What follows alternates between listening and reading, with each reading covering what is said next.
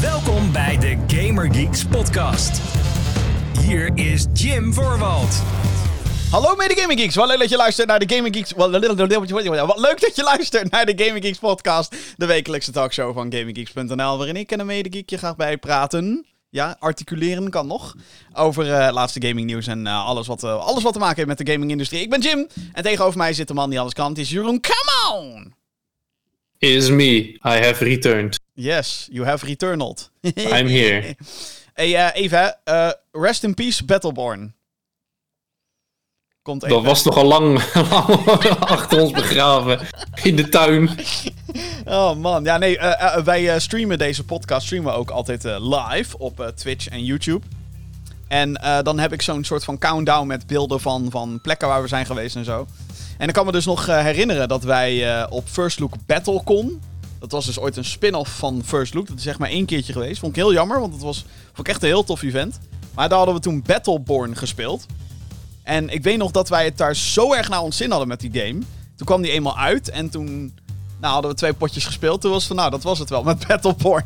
Althans, dat kan ik me nog herinneren ervan in ieder geval. Die game ging toen ook heel snel free-to-play, eh, zoals ik had begrepen. Toen de ja, het was eh, voor degene, eh, mocht je nou weten welk, over welke game heb je het in godsnaam. Battleborn was eigenlijk een soort Overwatch-achtige game. Die in dezelfde maand uitkwam als Overwatch. Oeps.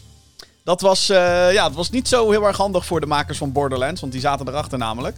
En dit En ik denk dat fans nu heel boos op je worden van het leek helemaal niet op Overwatch. En het had wel wat verschillen, maar het had inderdaad wel het was wat type-wise was het eenzelfde type game. Ja, zoveel fans had die game overigens niet hoor. Eh, maar afgelopen weekend zijn de servers daarvan eh, of compleet offline gegaan. Dus RIP, niet meer te spelen. Ik dacht dus dat er eerder al een moment was dat ze dingen hadden geslashed, maar dat is dus nu echt officieel. Nu is, het, nu is het helemaal klaar. Nu kan je het ook gewoon niet meer spelen. Waarschijnlijk kan je zelfs de singleplayer campaign niet meer spelen in je eentje. Moet je eens voor, eh, hoe zit dat met mensen die daar cosmetics of zo in de tijd hebben gekocht?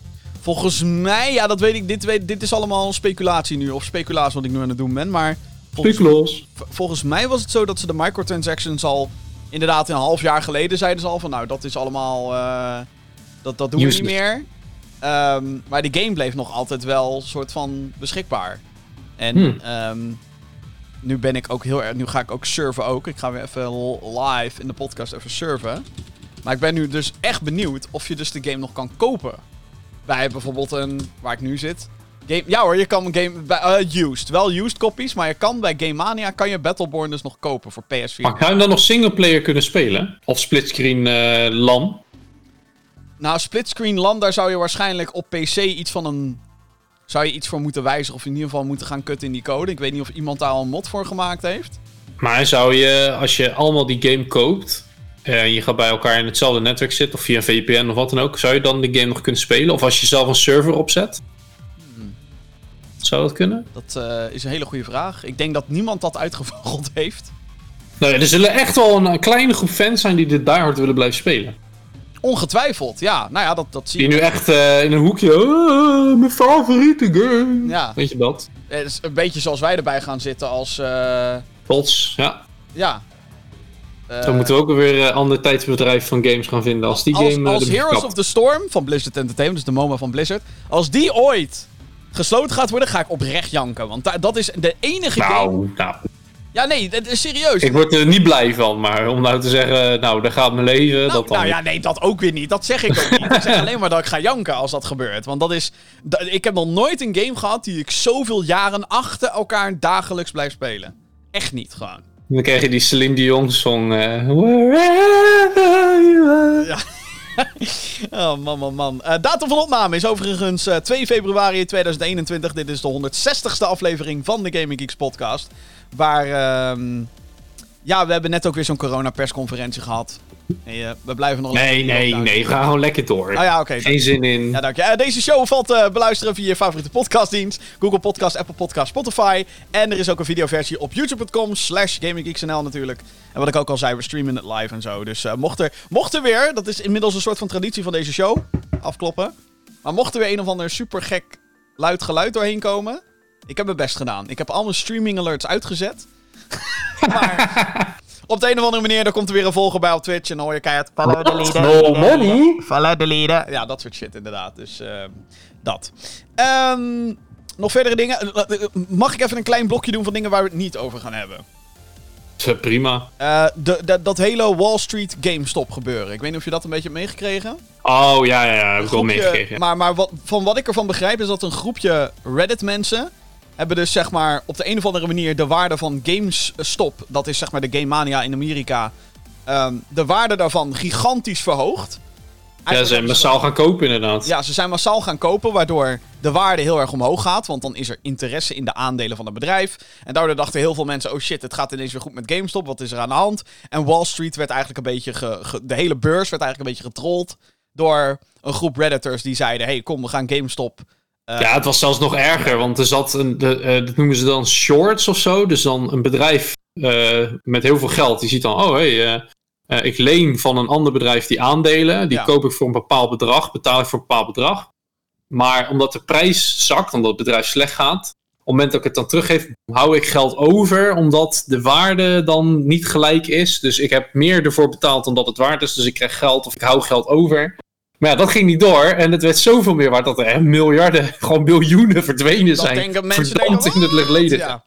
Eh, eh, en, maar goed, tot zover ons blokje. eh, Nou ja, tot zover het blokje. En zojuist, echt vlak voordat we begonnen met de opname, is de, ehm, de release date aangekondigd van de Mass Effect Legendary Edition. Dat zijn de eerste drie Oh. Mass Effect games. In één komt op. eh eens even kijken hoor. En dat zijn remasters of zo. Ja, dat zijn de remasters van Mass Effect 1, 2, Remakes. 3. Eh, Ja, ja. En even kijken hoor. Ik, eh, even live. eh, 14 mei. Dan komt het uit op eh, PC, PlayStation 4 en Xbox One. Dus mocht je Oh, daar oké. interesse hebben. Ik, ik ben er zelf. Ik, ik heb het altijd geskipt of zo. Ik ben nooit echt aan Mass Effect toegekomen. Ehm, ik heb deel 1 gespeeld, uitgespeeld, als ik het me goed herinner. Deel 2 bijna, maar op een bepaald moment ben ik ook afgehaakt. Op zich vond ik het wel coole games, maar ik weet niet, misschien duurde het te lang. Nou, dat vooral ja. Ik bedoel, we zitten in lockdown, dus niks kan te lang duren. Dat is dan Nu niet meer, nee, maar ja, nu zijn ze te oud. Dat is wel erg hoor. Dat, Oké, de remake niet, maar die is er nog. ko- ko- kom ik hier met mijn. Remaster. Ik hou van Doom en ik hou van boomer shooters. Kan dan in de tussentijd. Is te oud. Is te oud. Geef maar, maar gewoon eh Wolfenstein eh 2, de de, nieuwe de order. nieuwe, laten we zeggen. En eh hoe heet die andere game? eh, nou, ik moet zeggen, je had het over boomer shooters. Die, eh, die, die games die dan een oud jasje hebben, maar wel nieuw gemaakt zijn. Eh. Iron Fury is er volgens mij één. Ion Fury zeker, ja ja. Dusk, Ja, nou, Proteus. dat zijn games die ik eigenlijk nog wel zou willen spelen. Oh, Dat lijkt me wel, eh, ja, ik heb daar wel wat mee. heb ik iemand aangestoken met een boomer shooter virus? Wat is dit nou? Ik denk het wel, want ik vond sowieso eh, de nieuwe Doom, Doom en Doom Eternal, die vond ik ook eh, echt kicken. Ja. Oh ja, dat was eh, ook nog een ding, ja. Kamman liep een keertje gewoon weg van zijn PC, komt hij terug, ziet hij ineens, you received a gift, Doom Eternal. Drie keer raden van wie. Ehm, goed. Eh, dat. De playlist. Eh, ja, ik heb eigenlijk maar één game opgeschreven. Het is een beetje de game waar wij mee bezig zijn geweest de afgelopen tijd. En dat is ook een oud spel. Althans, oud. Hè? Wat is oud? Relatief, hè? Ben ik oud? Aan de ringen kan je zien hoe oud die is. Op de videoversie. YouTube.com slash GamerGeeksNL. Blablabla. Nee joh, wij zijn de laatste tijd... ehm, ja, eigenlijk wij... En ik merk dat we sinds dit jaar, letterlijk dit... Nou, nou ook een beetje december, maakt niet uit. We, zijn echt een soort van lockdown games gaan opzoeken. Games die we echt met... Hier, daar ga... Dit bedoel ik! Dit bedoel ik. De stream. Ik heb ze uitgezet, verdomme. Ik bedoel, thanks for the follow op Twitch kanaal. Twitch.tv slash gaminggeekslive. Maar what the fuck? Een podcastluisteraar denkt nu, wat de fuck gebeurt hier? Nou, exact. Een beetje... eh, welkom bij deze podcast. Anyway. eh wat hadden we het over? Oh ja. Games die we dus in de lockdown eh, spelen. Want ook met vrienden en zo toch een beetje dat contact onderhouden. We hebben het al vaker in deze show gehad over Secret Neighbor. Wat nog steeds... ik vind eigenlijk dat we dat weer een keertje moeten doen. Eh, Eens, eens. maar we hebben een nieuwe. En met een nieuwe bedoel ik een ander spel. Eh, heb je misschien ook al wat van gehoord? Het heet The Forest.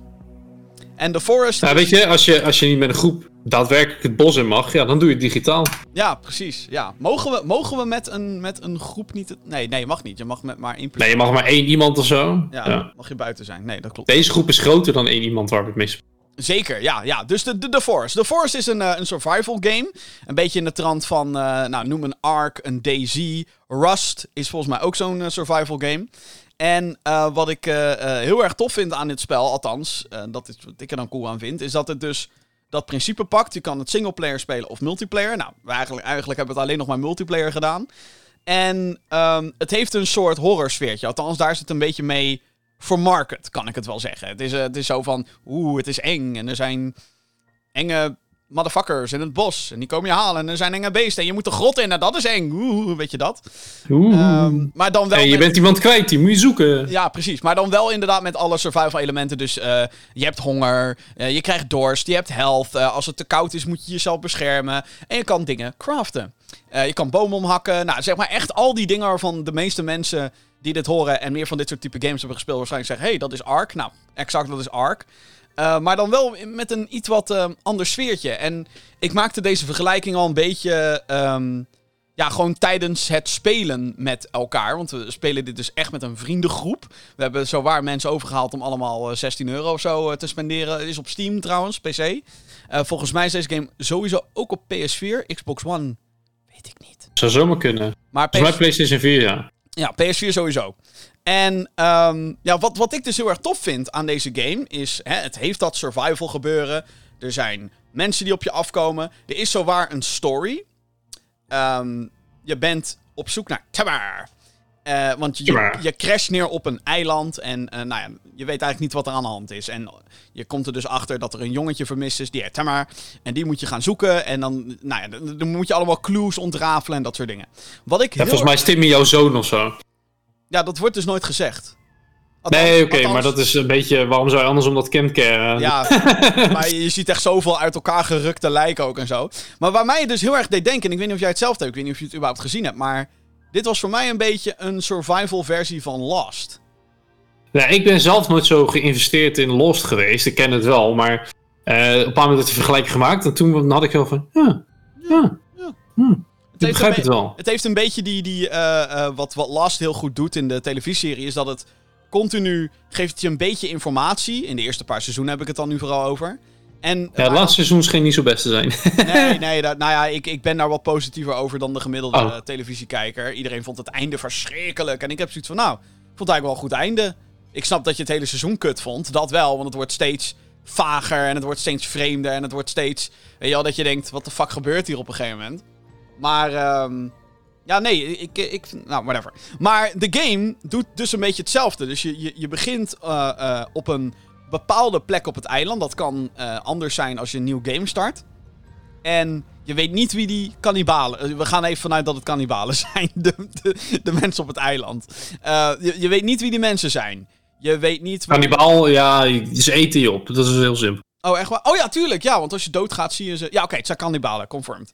Um, maar ja, je moet overleven en je, je vindt op een gegeven moment een gigantisch groot gat op het midden van, de, van het eiland, weet je wel? En oeh, er zijn grotten, maar in, in die grotten zijn er andere type beesten. En, en uh, je, ziet, je komt een paar mensen tegen die ooit op dat vliegtuig zaten, maar nu helemaal morsdood zijn. Hoe zit dat? Weet je, het heeft een beetje diezelfde soort van spanningsopbouw. En al helemaal... Mysterie. Ja, een beetje dat, hoe, wat is er aan de hand? Je weet het niet zeker. Ofwel, hoe, verzamel de hints. Dus dat vind ik heel erg tof. En ik vind het heel erg leuk dat we dan met een groep vrienden. Dat, hè, dat is een beetje het aanspreekpunt wat wij dan vooral hebben. Hè, we bouwen dan zo'n heel dorp, gaan we dan bouwen met allerlei gekke constructies. En we willen uh, een, een, voorraad eten hebben, voorraad drinken hebben. Maar ook wapens. wij gaan dan... Ja, wapens. Maar ook wij gaan dan op expeditie. En wat ik zo tof vind, is dat wij... Hè, dan gaan we met een klein groepje uh, gaan we dan zo'n zo'n grot in. En als deze game donker is, is het echt super donker. Je ziet geen... Het is fucking donker, je ziet niks. Je ziet geen pepernoot voor je ogen. En dan denk je, nou dan gecheaten, dan zet ik de brightness wat omhoog of de, de contrast van de, de grot. Want die optie zit erin, maar die optie werkt niet, want het lukt. Het blijft gewoon fucking donker. Het blijft echt super donker. Maar dan vind je dus uh, uh, een bepaald item. Die dan eigenlijk de hele soort van meta van hoe je dingen aanpakt verandert. En dan kom je erachter, oh shit, ik kan ook dit soort dingen craften. En ik kan misschien dit soort dingen vinden. En ik kan dat soort dingen vinden. En zodra je zeg maar in die loop komt, daar zitten we nu middenin. Ik heb nu een best wel volle inventory, zeg maar. Dus ik ben heel benieuwd hoe nu uh, de boel gaat eindigen eigenlijk. Maar aan de andere kant wil ik ook weer niet dat het eindigt. Omdat we met vrienden, weet je wel, zijn we aan het spelen. Gezellig leuk. En ik heb toch wel Maar hey, hey, als we een beetje volhouden nog, dan is er een nieuwe, nieuwe game van hetzelfde team. En dan uh, gaan we daarin uh, met een groep. Dat klopt wel, ja. Maar wa- wat vind jij er eigenlijk van, eh, Jeroen? Want ik ben dus super enthousiast. Want ik heb, ik heb nog nooit... Ehm, bedoel, wat ik- ik altijd met dit soort type games heb, ja, is ik vind het, eh, ik, ik kan het niet al te lang volhouden. Dus ehm, er zijn gewoon momenten dat ik heb van, nou, als we niks doen, alleen maar bouwen, dat is van mij niet weg. Ik help graag, ik eh, hè, wat logs eh, zagen en wat, eh wat... Maar Paam is van nu is het klaar. Ik blijf niet bouwen. ja, het is Ik wil avontuur. Ik wil het grotje in. Ik wil spullen verzamelen. Ik wil door.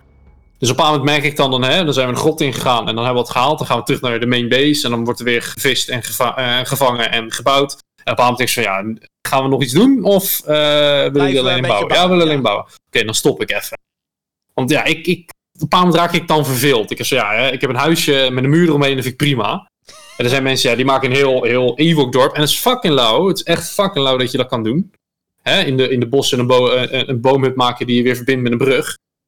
Maar ik heb het een van, ja, eh, voor mij gaat het om het avontuur en het overleven. En niet zozeer om het, om het bouwen van, van, van zo'n base. Dat mag bij mij zo simpel mogelijk. Maar dat, dat heeft de game dus. Althans, dat vind ik dan. Dat die game... Gelukkig heeft de game die mogelijkheid wel. Waardoor Ja. we inderdaad soms ook een soort van splitsing krijgen. Van nee, we willen naar die god. Nee, we willen naar die god. Nee, we willen... Oh, de een wil het eh, even doorbouwen en de ander wil wat, Ja. eh, wat anders. Ja, je hint er al naar. Er komt dus een nieuwe. Eh, die Yeah. Sons of the Forest gaat die game heten. En eh, nou, die lijkt dus echt eh, gewoon hetzelfde principe ook te hebben. Maar dan, nou, als het gaat om een grafische upgrade, dan zeg maar een next-gen survival game. Ja, en ik krijg een beetje de indruk dat de personage wat je in die trailer ziet, iets beter voorbereid is op de situatie waar die in is. Ja, want volgens mij stort je nu neer vanuit een helikopter en lijk je van een militair te zijn, als ik de trailer moet geloven. In ieder geval bewapend te zijn en Ja. weten hoe je moet survivalen. Dus graven van een gat en dat soort shit. Ja. Heel simpel survival iets, blijkbaar. Maar eh, weet je, je ziet er iets... eh, het, het geeft even wat, net wat andere vibe. Ja. Ja, echt wel een beetje zo'n next-gen vibe. En ik vind dat super vet gewoon. Want eh, het lijkt de elementen te houden van de eerste. Ehm, maar mocht je dus eigenlijk een beetje in dezelfde situatie als wij zitten... dan zou ik deze sowieso op je lijstje zetten van... nou, dit moet je denk ik in de gaten houden voor dit jaar. Want Sons of the Forest moet dit jaar uitkomen. Maar mocht je nu al denken... nou, we zijn met een groepje vrienden en ehm, we willen wat spelen... dan zou ik zeggen... Neem eens een kijkje naar The Forest. Want ik denk dat je daar echt wel mee kan vermaken. eh of je nou inderdaad op zoek bent naar avontuur. Of je ehm, ja, wilt een beetje gaan bouwen. Het heeft een a bit of everything. En ik vind dat wel tof eigenlijk. Dat, eh, ik had niet verwacht dat ik een survival game zo leuk zou vinden. Laat ik het zo zeggen. Nee, want ik ken jou. eh, bijvoorbeeld een, een Minecraft of zo. Je zou altijd, nee, nee, nee, bullshit. Daar heb ik geen zin in. Geen Ah ja. doel, niks te, niks te bereiken. ja. Uiteindelijk kan je in Minecraft nu natuurlijk wel gaan voor de Ender Dragon. Maar toch word je er niet echt heen gestuurd. Zoals in deze game echt wordt gezegd. Hé, hey, eh, je bent gecrashed, kind is vermist. Je hebt geen idee. Zoek het uit. Ja, je, je krijgt wat meer een motivatie om ook daadwerkelijk die survival te doen. Ik, als ik naar een arc kijk, denk ik van ja, waarom zou ik dit, waarom? Ja, Ja. why? waarom En met rust heb ik het idem dito. Ja, en, eh, maar, maar hier is het gewoon... eh, en het komt ook gewoon een beetje door de sfeer die het neerzet. Hè? Want het wordt Ja, heel erg ja. het werd, vroeger werd het heel erg gepromoot als een soort van horror game. Nou, weet je, als je een beetje de game mechanics door hebt, valt dat horrorstuk wel echt gewoon helemaal weg. Maar als je dus inderdaad eenmaal die grotten ingaat, hè, zit ik al zo van. Volgens mij zeg een. Maar ja, ik moet zeggen, in het donker buiten ook hoor. Als ik in, buiten door het bos loop om eh, even een besje te halen. En ik hoor opeens achter me geschreeuw. En ik word opeens uit niets Ja. eh, belaagd door eh, een groep of vijf van die kannibaals. wat het ook mogen zijn. Ja, dan schrik ik ook wel echt de, de billen uit mijn string. Ja, nou, het is te gek. Dus The Forest, zie dat bij deze als een dikke aanrader voor, eh, voor als, als lockdown game eigenlijk. Ja. Zometeen in de Gamer Geeks podcast. Maar ja, ehm, er is natuurlijk ook heel veel gebeurd op gaming nieuws. Nieuwe games komen eraan. Zometeen gaan we het hebben over Sonic. Want we krijgen eindelijk nieuwe Sonic content. Soort van. Ja. En eh, het einde van Google Stadia nadert. Ja hoor, we gaan het er weer over hebben. Google Stadia brengt zichzelf weer negatief in het nieuws. Was het ooit nog mogelijk, Jim? Jawel. Gaan we weer renten? 100%. En we gaan natuurlijk de mailbox weer openen. Dus eh, heb jij vragen voor, eh, voor de aankomende podcast? doe dat vooral even mailen naar podcast.gamergeeks.nl. Dat is het e-mailadres podcast.gamergeeks.nl. Nieuws. We beginnen bij eh, een eh, hele toffe franchise, als je het aan mij vraagt. Ehm, jij hebt hier niet zoveel mee, hè, Jeroen? Nou, de grap is, Zeker door lief. nadat ik Uh, nou, nee, toen ik laatst... Uh, want ik heb een stukje deel 4 gespeeld. Mm -hmm. En die vond ik wel interessant. Uh, en op een paar moment heb ik bij Vincent thuis... op de PlayStation deel 7 gespeeld. Zeg ik het ja, goed? Is dat deel ja. 7? Ja, dat is deel 7. En dat vond ik ook interessant. En toen zag ik die remake van deel 2 en van deel 3.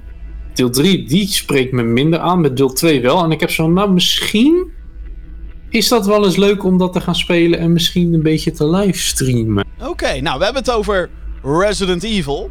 Want tijdens een Resident Evil, Resident Evil Showcase stream heeft Capcom de release datum en meer platforms bevestigd voor Resident Evil Village. Dat is het achtste hoofddeel in de survival horror reeks. Hij verschijnt op de PC, PlayStation 4, PlayStation 5, Xbox One en Xbox Series X. En wat dan de nieuwe platforms waren, dat waren de, de, de current gen, dus de PS4, Xbox One. Dat was nieuws, tussen aanhalingstekens. De game die verschijnt op 7 mei, zet in uw kalender, 7 mei, wereldwijd. 2021, dit jaar dus. Wat meer details zijn ook onthuld, zoals een familie van bad guys bestaande uit eh, zeer aantrekkelijke, maar tegelijkertijd ook enge vrouwen die in een horde van vliegende insecten kunnen veranderen. Leuk. Elk is er weer een shopkeeper aanwezig die de Duke heet. Daarnaast is er ook een multiplayer mode onthuld. Deze is uh, vergelijkbaar met Resident Evil Resistance. Die werd verscheept samen met de Resident Evil 3 remake van vorig jaar. De nieuwe multiplayer variant heet Reverse. Snap je hem? R-E-verse. het bevat omgeving en personages uit Resident Evil 2, Resident Evil 3 en Resident Evil 7. Maar dan met een comicbook Instagram filter eroverheen. Dat is echt heel lelijk. Spelers moeten elkaar doodschieten waarna ze transformeren in een, uh, ja, in een iconische bos uit de serie. Nemesis, Mr. X, etc. Er is nu ook een gratis demo met de naam Maiden verschenen, maar dan exclusief op de PlayStation 5. Deze bevat geen combat en wordt daarom ook een visual demo genoemd. Volgens de website Video Game Chronicle was een Resident Evil 4 remake ook gepland om aangekondigd te worden. Maar deze werd intern uitgesteld naar 2023 vanwege problemen met de ontwikkeling. Het team lijkt er niet over uit te kunnen komen in welke richting de toon van de remake moet gaan. Maar dat is dus niet officieel bevestigd door Capcom, dat laatste. Um, maar eerder werd al wel gelekt dat er gewerkt wordt aan een Resident Evil 4 remake. Maar ja, mocht het waar zijn, is het wel goed dat ze er goed over nadenken. Want die game heeft natuurlijk wel een bepaald, uh, bepaalde status bij de fans. En als je dat verknalt... Ja, nou, ik, ik, ik, ik ben dus van het... Uh, en dan klink ik waarschijnlijk als een hele oude lul. Ik ben een oude lul. Maar ik ben uh, van, van, van het clubje... Waarom zou je Resident Evil 4 remaken? Ja, die ziet er nog eigenlijk best goed uit. Als je kijkt naar 2 en 3, die waren natuurlijk nog PlayStation 1-era. Ja. En die zagen er eigenlijk al heel slecht uit. En van deel 4 was toch al een soort van remaster geweest? Ja, dat weet ik hoe vaak. Voor PC of zo. Ja, ja. Is die dus ga op zich ziet hij er gewoon nog oké uit. Die kan gewoon nog spelen. Sterker nog, uh, ook op de... Uh, nou, niet als ik... Uh, Play PlayStation 4, Xbox One en Nintendo Switch hebben allemaal nog ports gehad. Van ja, Resident. Evil 4, 5 en 6. Dus ik snap dat ze zoiets hebben van... hey, de remakes doen het goed, dus laten we alles remaken. Um, en wie weet wat ze inderdaad kunnen, kunnen doen met Resident Evil 4, maar dan in remake vorm. Um, maar ja, ik ben een beetje... Ik weet niet. Ik, is het te vroeg? Is het... Voor jou is de game nog te mooi in zijn pracht zoals die nu is. Ja. je bent bang dat door het te verbeteren het juist alleen maar slechter wordt. More is less. Ja, nou, een, beetje, nou ja, een beetje wel. Nee, maar kijk, wat, wat je inderdaad zegt, de, de, de originele Resident Evil Trilogy was PlayStation 1. En dat kan je inderdaad, hoe, hoe hoog je dat ook kan uprezen, dat gaat niet. Dat houdt op een paar moment op, ja. Maar daarom was de Resident Evil 1 remake op de Gamecube, dus één generatie daarna, die Gamecube remake is fantastisch. Daarin merk je hoeveel zes jaar verschil al kan maken eigenlijk in, in game development en technologie en zo. En dat is de versie die ze nu continu remasteren. Sterker nog, voor Xbox, uh, uh, abonnees van Xbox Live Games with Gold, cadeautje deze maand, Resident Evil. Spoiler voor straks. Maar de, dus, dus die is fantastisch. En met Resident Evil 4 heb ik ook zoiets van, ja tuurlijk, er zijn dingen outdated. Hè? Er zijn, ja, zou, zou je in een remake heel veel kunnen verbeteren? Natuurlijk, zeker grafisch. Maar ga je daarmee nu, niet, nu al de, de, de legacy van. Ik weet niet. Ik, ik, weet, ik weet niet of ze dat moeten doen. En zeker omdat Resident, de Resident Evil 2 remake was geweldig. Ik heb de Resident Evil 3 remake nog steeds niet gespeeld. Sorry. Maar um, die was niet zo goed ontvangen. Niet zo goed als de 2 remake. Dus dan denk ik ook van, gaan jullie nu niet te hard van stapel lopen? Wordt het niet... Ja, rustig, rustig. Je hebt één goede gemaakt. Je hoeft niet alles te remaken. Hallo, rustig. En- Kalm. En ik ben van mening, ook nog eens, als we dan kijken naar de hele franchise, dat ze eigenlijk Code Veronica moeten remaken. Dat was een eh, Resident Evil game die kwam in eerste instantie alleen op de Dreamcast. Kennen we die nog? Zo lang geleden gaan we. En dat was, in eerste instantie was het de planning dat dat Resident Evil 3 werd. Dat plan hadden ze toen eh, geschrapt. En toen zeiden ze, oké, we, we maken van een spin-off die gaat over Jill Valentine. Die noemen we nu 3 dubbele punt Nemesis. En toen werd Code Veronica werd ook weer allemaal fucking eh, geneuzel van, van, van 20 jaar geleden of langer. Dus de, ehm, ik, ik heb zoiets van waarom remaken jullie die dan niet? Want dat is echt een oldschool Resident Evil nog. Ja, Ja, precies. Met eh, weinig polygons. eh. dat is echt. Oké, maar de nieuwe, de nieuwe, de nieuwe Resident Evil Village dus. Eh 7 Ik heb mei. er zo om gelachen op het internet nadat die, die trailer en die demo online waren geweest. Zoveel mensen die, eh, hoe moet ik het netjes zeggen, die, die het woman, laat maar zeggen, wel interessant vonden. Ja, de- ja, ik had het dus al over een groep aantrekkelijke, doch zeer gevaarlijke vrouwen. En eh, de, de hoofdvrouw, zeg maar, is huge. Volgens mij is haar hoogte ook officieel onthuld. Volgens mij was dat drie meter nog wat. Maar eh, ja, wat, wat, vond je, wat vond je van de trailer? Want ik, vind, ik vond het er fucking gruwelijk uitzien, deze game. Holy Nou ja, wat ik ook bij de vorige game vond, het ziet er gewoon heel goed uit. En dat first-person perspectief, wat bij de andere games altijd third-person was, vind ik heel goed werken in, in de sfeer die het geeft. Ja. Ehm, wat ik wel altijd heel erg met, met Resident Evil heb gehad, ging het om zombies. En bij 7 merkte je al dat ze daar een beetje van afhaakten, dat het wat anders was. Ja. Nou, En hier merk je dat nog erger. Het is iets heel anders. Ja. Mij, eh, want, want bij deel 7, voor de mensen die deel 7 al gespeeld hebben, ik zal zo min mogelijk spoilers vertellen voor degene die het nog niet hebben gedaan. Maar dan heb je, kom je ook bij een familie. Ja. En die familie ja, is gewoon wacky. Is gewoon gek. Beetje Texas Chainsaw Massacre idee. Precies, maar daar heb je nog wel een beetje de, de, de zombie-vibe van, vibe van andere Resident Evils. Want er klopt iets niet, er is iets met die mensen. Eh, en dan heb ik het niet over de, de standaard zombies, maar een beetje hè, de, de boss guys. Ja. En bij deze game, eh, ik weet niet, ik, ik mis nog een beetje wat het Resident Evil maakt. Ja, ik denk... Het wat- virus, het ding wat er omheen speelt. Er is altijd iets met een virus of met, met een parasiet. Ja. Nou en ja, dat, dat, mer- dat wist ik nog en dat zal wel gaan komen. Maar ik heb nog nooit eh, Resident Evil met vampieren of met weerwolven of met wat dan ook gekoppeld. Maar alleen met zombies. Nee, ja, nou, dan, ik denk dat je dan sowieso al eh, wat verder moet komen in eh, meer Resident Evil games. Want het blijft natuurlijk niet Precies. alleen maar bij zombies. Nee, tuurlijk, tuurlijk. Maar dat is, dat is... Je hebt natuurlijk ook de honden en de dingen. Maar het heeft altijd wel als kern, het is een virus. Ja, dat is waar. toch? Ja. Nou ja, ik, ik, ik weet dus oprecht gewoon niet meer wat er daarna, zeg maar, gebeurt. Want er, eh, met name in Resident Evil 7, ik weet het niet. Ik Eh, weet het ook niet meer uit mijn hoofd. Maar het is wel... eh, eh, Maar hoe het eruit ziet... Chapeau. Daar kan Ja, ik niks anders het over ziet er zeggen. echt fantastisch uit. Ik ben, ik ben Ja. echt eh, ik, ik ben weggeblazen. Het is echt gewoon next-gen horror shit. En wat ik zo tof vind van, van hoe deze game eruit ziet, is dat... En daarom ben ik misschien ook een beetje tegen een Resident Evil 4 remake. Deze game lijkt heel veel elementen van Resident Evil 4 juist te pakken als inspiratie. Ehm, dus bijvoorbeeld het dorpje eh, tegen een kasteel aan. Ja, dat is Resident Evil 4. Dan begin je ook in een dorpje en dan ga je naar een kasteel. Gewoon, dat is exact dezelfde vibe gewoon. En het is niet Is het exact- niet gewoon een prequel of sequel van vier stiekem?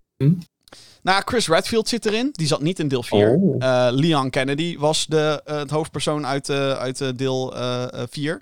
En hier speel je als de guy uit 7. En Chris Redfield speelt hier dus ook een rol in. En wat dat dan allemaal gaat worden, geen fla- fucking flauw idee. Maar eh, ja, het heeft bij mij een beetje diezelfde vibes. En eh, dat betekent niet dat het exact hetzelfde gaat spelen of zo. Nee. Maar ehm, ja, ik, ik, I dig it, zeg maar. Ik zie al waar, waar ze die puzzeltjes gaan doen. Ik zie al waar er wat eh actie-setpieces gaan komen. En dan denk je misschien, oh, Resident Evil een actie. Bah, nee joh, dat hoort er gewoon bij. Dat heeft er altijd al in gezeten. Dus eh, ehm, Ja, alleen niet zo erg als 5 en 6. Die waren wel heel heftig. ja, dat, dat was Michael Bay. Maar ja, dan, dan, dan ja, waar ik al naar verwees, die, die, die soort van familie van die gekke vrouwen, die kunnen veranderen in insecten. Ik denk dat dat gewoon van die motherfuckers worden, die continu achter je aan blijven komen. En dan denk ik, oh ja, ja, daar gaan we weer hoor. Het is wel, eh, ik heb wel echt het idee dat we hier met een hele toffe game te maken hebben. Maar ik moet echt gewoon zo nodig En eh, vaste luisteraars van de podcast weten dit. Ik loop achter. Ik loop zo fucking erg achter. Te veel te spelen. Ja, nee, ik moet nog. Ik, moet, eh, eh, ik ben nu bij, bij eh, twee met Claire nog. Die heb ik inmiddels wel op mijn PlayStation 5 gezet en ben een beetje doorgespeeld. Dus woe, ja, ik zit er weer een beetje op. Maar dan moet ik drie nog uitspelen. Dan moet ik zeven. ah, ah, ik moet wel echt zeven gewoon dan nog doen. Maar ik denk dat ik daar in mijn broek ga schijten. En dan, nou ja, weet je wel, dan eindelijk acht. Village. Dit, dit is gewoon Jim, jongens. Jim zegt, oh, ik heb nog zoveel spelen, dan- nog zoveel Resident Oh, Evil, nog nog zoveel andere game. games. Maar dit is ook zo, Jim. Hé hey, Jeroen, heb je zin in een potje hots? Vier uur later, potje uit, hè, klaar met hots. ja, hè? Ik moet de Battle Pass nog spelen. Van, Oh ja, van kot inderdaad. Nou, die heb ik niet. Die is vet. ja. Ehm, hebben wij nog een mening over de. de ehm, over de multiplayer van. eh, van eh, heb, je, heb je die shit gezien? Eh, ik heb het niet gezien.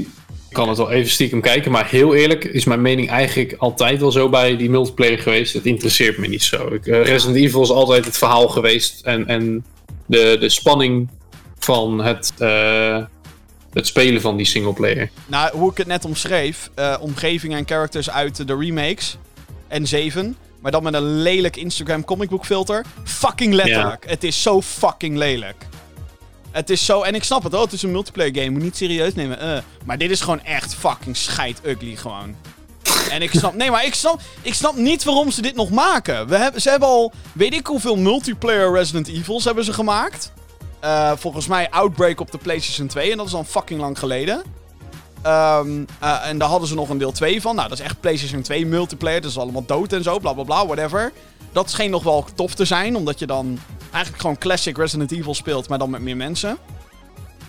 Maar hebben ze in deze Maar- multiplayer een soort van eh self-shaded proberen te maken of zo? Nou, wat, ik het? zeg, het is een lelijk Instagram comicbook filter. Het is fucking lelijk, want je ziet gewoon letterlijk. En zeker, ik heb, hè, ik heb de Resident Evil 2 remake gespeeld. Ik zie gewoon dat het diezelfde environments zijn. Maar dan Ja. veel feller belicht en met een lelijk filter eroverheen. Gadverdamme. Het is echt ga- gadverdamme. Maar Ja, het is heel, eh, heel weird. dan denk ik ook, jongens, eh, Resident Evil um, eh, Op- Operation Raccoon City was ook een flop. Was ook multiplayer. Umbrella Core, kennen we dat nog? Nee, was ook een flop van een multiplayer Resident Evil game. Resident Evil Resistance van vorig jaar. Geen hond die het speelt. Alleen een paar mensen. En that's it, weet je wel? Dan denk ik, wa- waarom, wil je, waarom ben je al die tijd, dat, dat tijd en dat geld aan het investeren in multiplayer mode Resident Evil shit? Die je dan wel, weliswaar gratis krijgt bij de, zo verkopen ze dat dan. Je krijgt dat gratis bij Resident Evil Village. Het is gewoon een multiplayer mode. In een aparte Ja, client dan, weet je wel. Eh, het is gewoon tering een lelijk. waste of time. Waste of time Echt als je... eh, Maakt maar zetten ze hier niet gewoon een ander team op? Ja, waarschijnlijk een veel kleiner team dit, die dit waarschijnlijk gewoon even erbij maakt. Maar dan denk ik, dat kleinere team kan ook, weet ik veel, concepten gaan uitwerken voor een Code Veronica remake. Of weet ik veel, iets nuttigs gaan Ja, doen. Maar niet ja, ja. dit soort shit. Ik, ik, ik, haat, ik haat het. Ik, ik, inmiddels begin ik gewoon een hekel aan te krijgen. Aan, aan, aan Capcom die nu... Oeh, we moeten een multiplayer Resident Evil bij onze Resident Evil shit douwen. Nee. Niemand klaagde erover bij Resident Evil 7. Niemand klaagde erover bij Resident Evil 4, 5. Nou, 5 was co-op. 6 was ook co-op. Nou, hartstikke leuk. Maar hou ermee op. Gewoon, hou ermee op. Ja, precies. Precies. Ik denk dat het... eh, ik, ik ben bijna bang dat het een soort van investeerders dingetje is. Zo van, ja, maar zit er ook online multiplayer in? Want eh, wij investeerders van de financiële markt... die de ballen fucking verstand hebben van... Die willen alleen maar als je een compleet pakket levert. Ja. Dan krijg je geld. Ja. Exact, ja, een beetje, beetje dat. Eh, pff, Teringzooi. Oké, nou, genoeg rage over Resident Evil. Village, zin in 7 mei 2021, dames en heren. Dan gaat het allemaal gebeuren. Waarom doet mijn blieper het niet? Blieper? Ai. Mijn knopje is kapot. Nou, komt goed. Eh, oh, hè, hè, daar is die. Eh, volgende nieuwtje dan. Ja, laten we dat maar doen. De studio Vicarious Visions is verhuisd. De studio heeft een eh, lange geschiedenis. Zo hebben ze eind jaren 90 tot in de late zero's ehm, voornamelijk ports gemaakt voor bijvoorbeeld de Tony Hawk franchise, de Spider-Man games en de Guitar Hero delen. De laatste jaren waren ze voornamelijk bekend om het ontwikkelen van een aantal Skylanders games. En daarna richtten ze zich nog op de Crash Bandicoot Insane Trilogy en ontwikkelden ze Tony Hawk's Pro Skater 1 plus 2, die vorig jaar verscheen. Die is te gek. De studio zal nu niet meer onder Activision fungeren, maar onder Blizzard Entertainment. Volgens de website Bloomberg werkt de studio nu aan de Diablo 2 remake, die volgens geruchten al een tijdje in ontwikkeling is, maar problemen, bla bla bla, help, we hebben een betere studio nodig.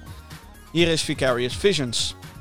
Nou ja, goed teken, want ze zijn natuurlijk uh, afgeschrokken door uh, die Warcraft 3 uh, grap. Ja. En toen dachten ze, ja, je moet iemand goeds hebben. Maar voor mij, hè, als, even als, als leek, moet ik het maar even zien. Ja. Blizzard Entertainment en Activision, dat is toch één pot nat? Um, ja en nee. Ze zijn in principe allebei inderdaad onderdeel van hetzelfde moederbedrijf. En dat heet nu Activision-Blizzard. Maar van wat ik er dus van begrijp, is dat ze nog wel zoveel mogelijk op zichzelf fungeren en, en dingen doen. Dus... Alleen maakt Activision een paar moment het besluit van... Nou, doe er toch maar een beetje meer microtransactions in voor de stakeholders. Sowieso. ja, waarschijnlijk. Ja, de, de, de invloed van Activision is wel duidelijk bij Blizzard erin gekomen, inderdaad. Dus... Um, ja, dus... Nee, duidelijk, duidelijk. Maar met dit soort acties merk je al dat de twee veel meer aan het mergen zijn. Omdat ze inderdaad zeggen, oké, okay, Vicarious, jullie gaan nu aan een Blizzard-ding werken. En het zou me niks verbazen als... Stel dat het inderdaad de Diablo 2 remake is. Die... Ik denk dat dat best logisch is als dat inderdaad het geval is. Um, maar dan kan het dus net zo goed zijn dat ze daarna dan weer zeggen... Oké, okay, uh, nu gaan jullie weer aan een ander Activision-project werken, weet je wel? Maar volgens mij heb jij daar wel zin in, hè, die remake? Nou, ik heb hier dus hele gemengde gevoelens over, Jeroen. En dat komt door Warcraft 3? Uh, nee, dat niet eens. De remastered. Niet? De Reforged heeft jou niet uh, daar uh, meer gevoelens jawel, van? Maar oei. dat betekent gewoon dat Blizzard doesn't give a fuck, zeg maar. En daar, daar zit dus de grap. Activision does give a fuck. Want de Crash Bandicoot remakes waren te gek. De Spyro Trilogy, ook van Activision, te gek. De Tony Hawk's Pro Skater 1 plus 2, te gek. Wat ik dan zeg maar een soort van jammer vind, en dit vind ik dan vooral jammer voor de Spyro-fans, is dat het waarschijnlijk de bedoeling was. En ik zeg waarschijnlijk, omdat ik weet niks officieels. Maar het lijkt mij dat Vicarious Visions dan bezig was met Spyro 4. we hebben nu Crash hmm. Bandicoot 4. En in Crash Bandicoot 4 wordt ook wel sterk gehint naar Spyro 4.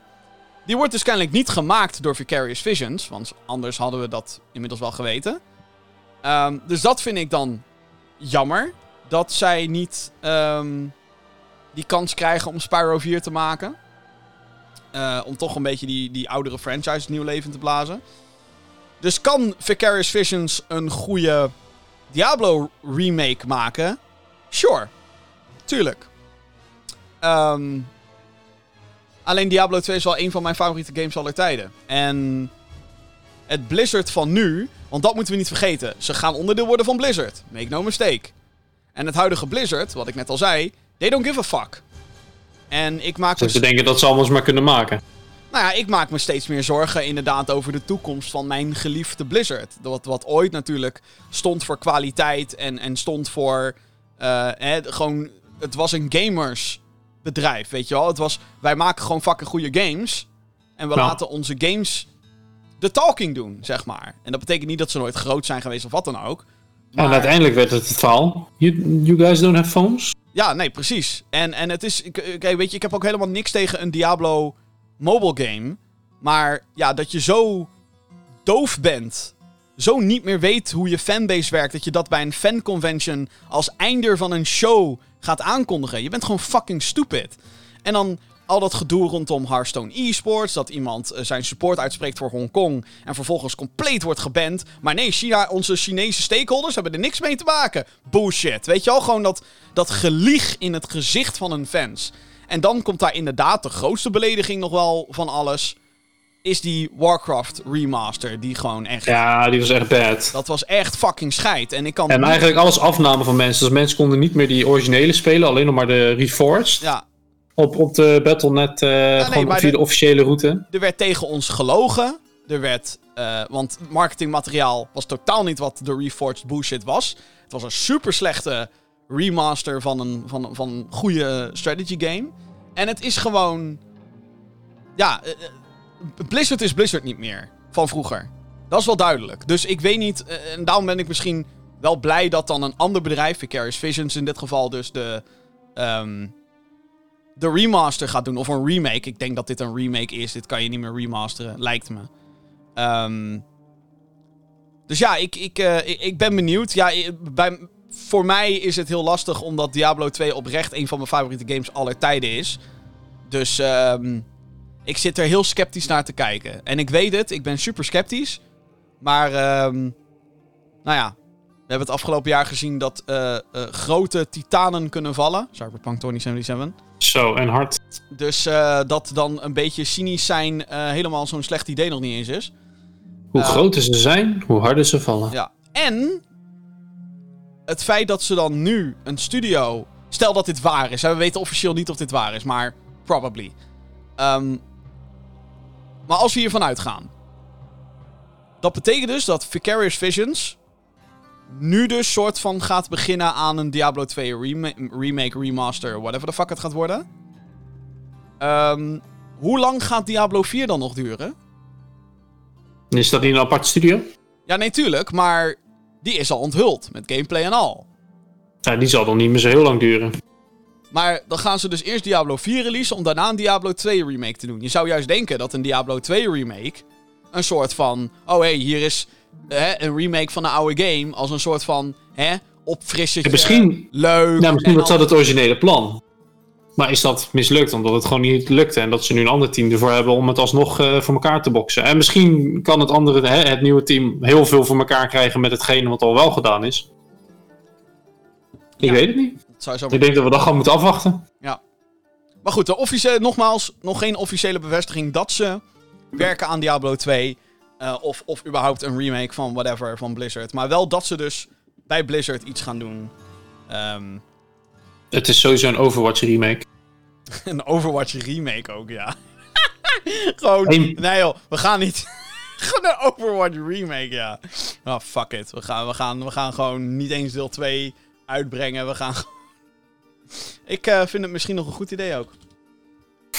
Ja joh, fucking Hanjo met zijn kutpijltjes, man. Ga dat nou eens een keer fixen, jongens.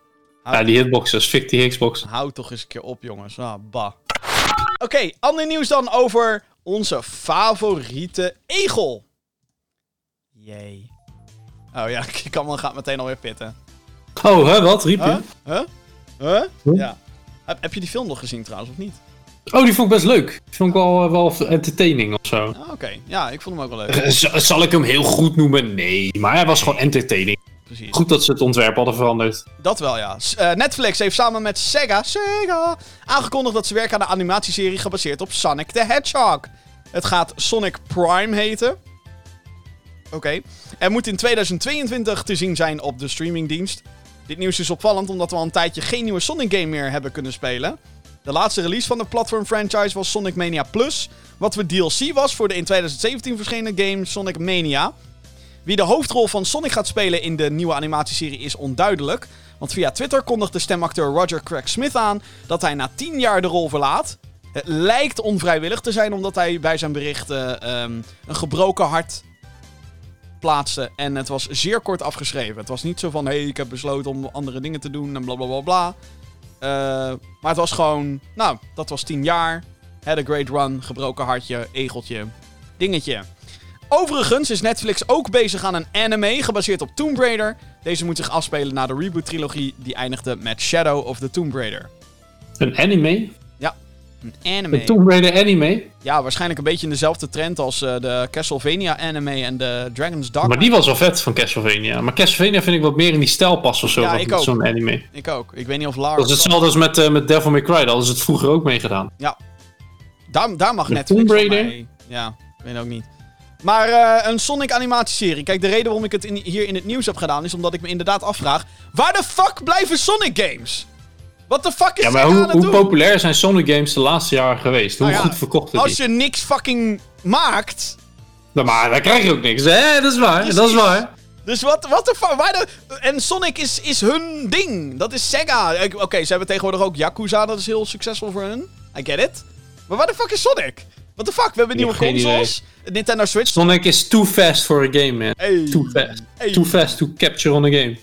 Ja, nee, ik, ik, snap, ik snap het niet. eh, ik snap het niet. Ik snap niet waarom de fuck we nu al eh, het vierde jaar ingaan zonder nieuwe Sonic game. Sonic Mania Plus reken ik dan eigenlijk niet eens mee, want het is DLC op, op 2017. Toen kwamen Sonic Mania en Sonic Forces.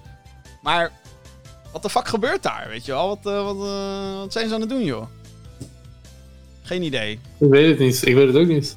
Wat zou Ik je... moet ook zeggen dat ik niet heel erg diep in de Sonic lore en games zit. Nee, oké. Maar wat zou jij nog in een Sonic game willen, willen zien? Zeg maar, wat, wat moeten ze maken om jou... Nou, eh, als ze dit doen, eh Kaman, dan ga jij ook gewoon voor een... eh, Sonic Survival Game in het bos. nee, ik weet, ik weet het echt niet meer. Ik, ik heb nooit mezelf heel erg in de Sonic games gevonden. Ik heb wel de, de Sega, de oude Sega Genesis versie heb ik gespeeld. En ik heb Mania op mijn op mijn op mijn Switch. Maar voor de rest heb ik het eigenlijk op geen andere console gespeeld of aangeraakt. Ehm, misschien omdat ik het platformen niet interessant genoeg vond. Als je kijkt naar bijvoorbeeld naar een oude Mario game of eh, een Donkey Kong, dan had je altijd een bepaalde manier van platformen. En bij Sonic was dat echt totaal anders. Ja. En de, de on-rails gameplay van de wat nieuwere games, dat je gewoon eigenlijk eh, boost raakt en je vliegt eigenlijk door het level heen. Ja, dat pakte mij ook niet zo. ja. En nu dit doe ik waarschijnlijk de games gewoon eigenlijk tekort, maar het raakte me gewoon niet. Dus wat, ja, wat moet een nieuwe game hebben om mij, om mij over te halen tot die game? Is echt een hele moeilijke vraag. Ja, nou, ik heb zoiets van, jongens, maak gewoon even weer een big budget, gewoon vette 3D Sonic. Gewoon, waarom is dat zo... Ja, misschien kunnen ze mij daarmee overhalen, maar ik, ik zou het niet weten. Waarom is het zo moeilijk? Dat is wat ik me altijd afvraag bij dit soort projecten. Maar ja, nou, oké, games maken is moeilijk, maar... Het is moeilijk, maar je hebt toch gewoon een, een bepaalde basis, een core van waar de game over gaat, wat het is. Ja. Dan is het toch niet zo moeilijk om daar een verbeterde versie of een uitgebreide versie te maken die niet flopt of sukt. Ja, Maar blijkbaar is dat ja, niet altijd even gemakkelijk. nee. Vind ik jammer. Come back, Sonic. Kom maar teruggerend. Oké, dan eh, nieuws over eh, een van mijn favoriete franchises aller tijden. Nee, niet Diablo. Nee, ook niet Doom. Maar eh, die andere waar ik het heel vaak over heb. Het Chinese bedrijf Tencent heeft namelijk een minderheidsaandeel overgenomen van Dontnod Entertainment. De Franse studio staat voornamelijk bekend om de Life is Strange games. Yay, zijn we weer. Waarvan zij er twee hebben gemaakt. Andere recente projecten van de Dontnod studio zijn Tell Me Why, eh, gepubliceerd door Microsoft, vind ik ook te gek aanrader. Vampire en Twin Mirror.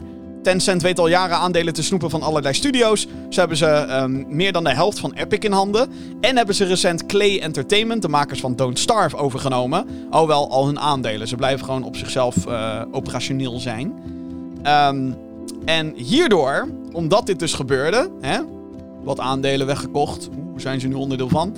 Hierdoor werd er online veel gevraagd over de samenwerking tussen Dontnod en uitgever Square Enix, die de Life is Strange franchise in handen heeft.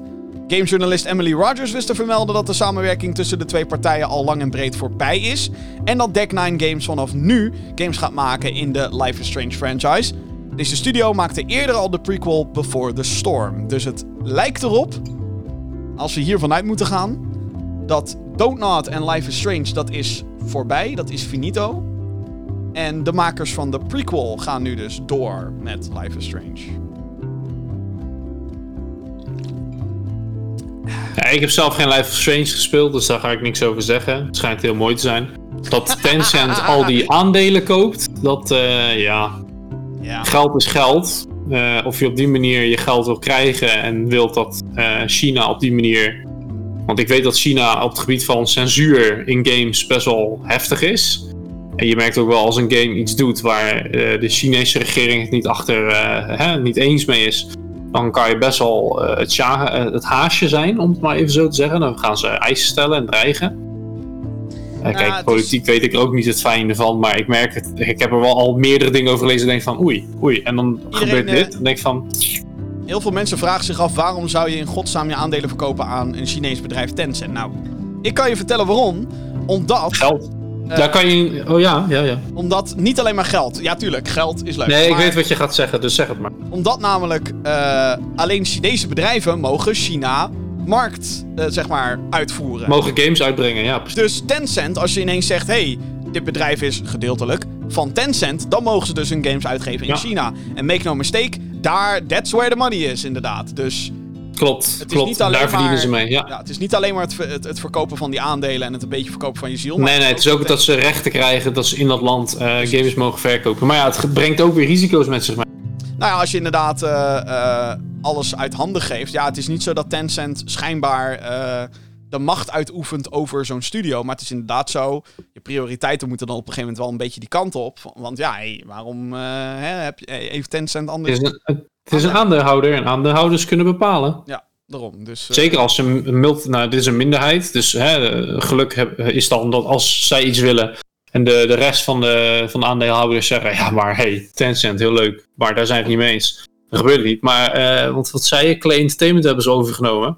Ja, daar hebben ze dus, daar hebben ze dus eh 100% de aandelen van. Clay Entertainment zegt Ja. dus dat ze zelf de creatieve eh, invulling en zo, dat blijven ze behouden. Ze blijven gewoon doen wat ze doen. Ehm, alleen ja, ze zijn van Tencent. Ja, weet je, ik kan ook wel zeggen eh, van ja, ik heb een baas waar ik voor werk, maar ik bepaal gewoon lekker zelf mijn rooster. Maar op het moment dat mijn baas me belt van Jeroen, eh, ja, weet je, je komt dienstkort maandag extra werken eh, om dat goed te krijgen, en dan moet ik ja zeggen, want als ik nee zeg, ben ik haasje, weet je.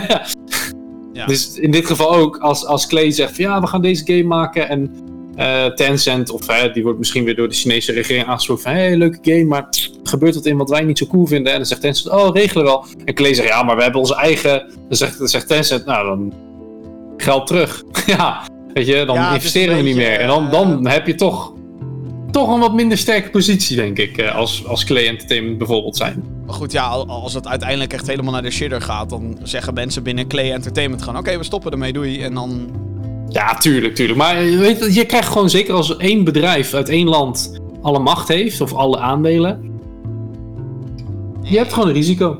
Een risico. Dan nog even over Life is Strange en Deck 9. Eh, vind ik dat een goede combi? Ja, want Before the Storm was eigenlijk best goed. En waar ik dan heel enthousiast over ben, is dat ze daadwerkelijk doorgaan met Life is Strange. Waar ik dan weer heel sceptisch over ben, is hoe gaan ze hiermee door? Want Life is Strange 1 en 2 zijn eigenlijk compleet, van, compleet aparte verhalen. Die hebben bijna niks met elkaar te maken. Ik ga niet zeggen wat ze wel met elkaar te maken hebben, want spoilers.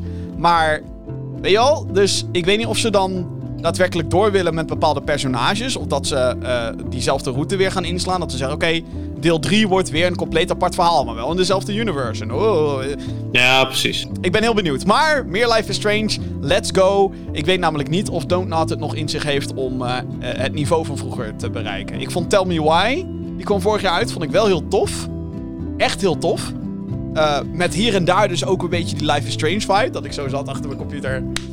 Ah. Maar ehm, eh, het is het net niet. Het is allemaal te klein van schaal. Het is te... Ik weet niet. Ik weet niet. Het is... eh, ik denk niet meer dat ze die magic touch hebben, als ik heel eerlijk ben. Heeft Deck 9 dat wel? Geen idee. Ehm, het nadeel natuurlijk is, is dat ze dus een prequel hebben gemaakt. Die wel het origineel beter maakt.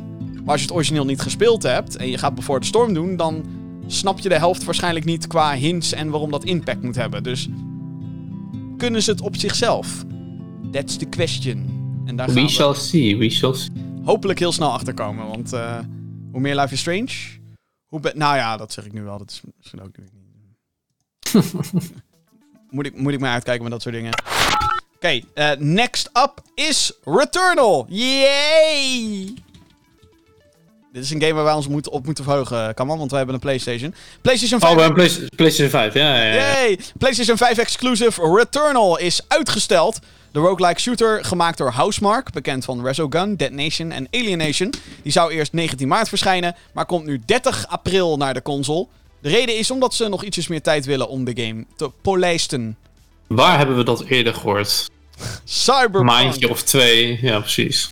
Ehm, ja, ik eh, wil hier eigenlijk wel in geloven, soort van. Ik bedoel, het is anderhalf Ja. maand uitstel ongeveer.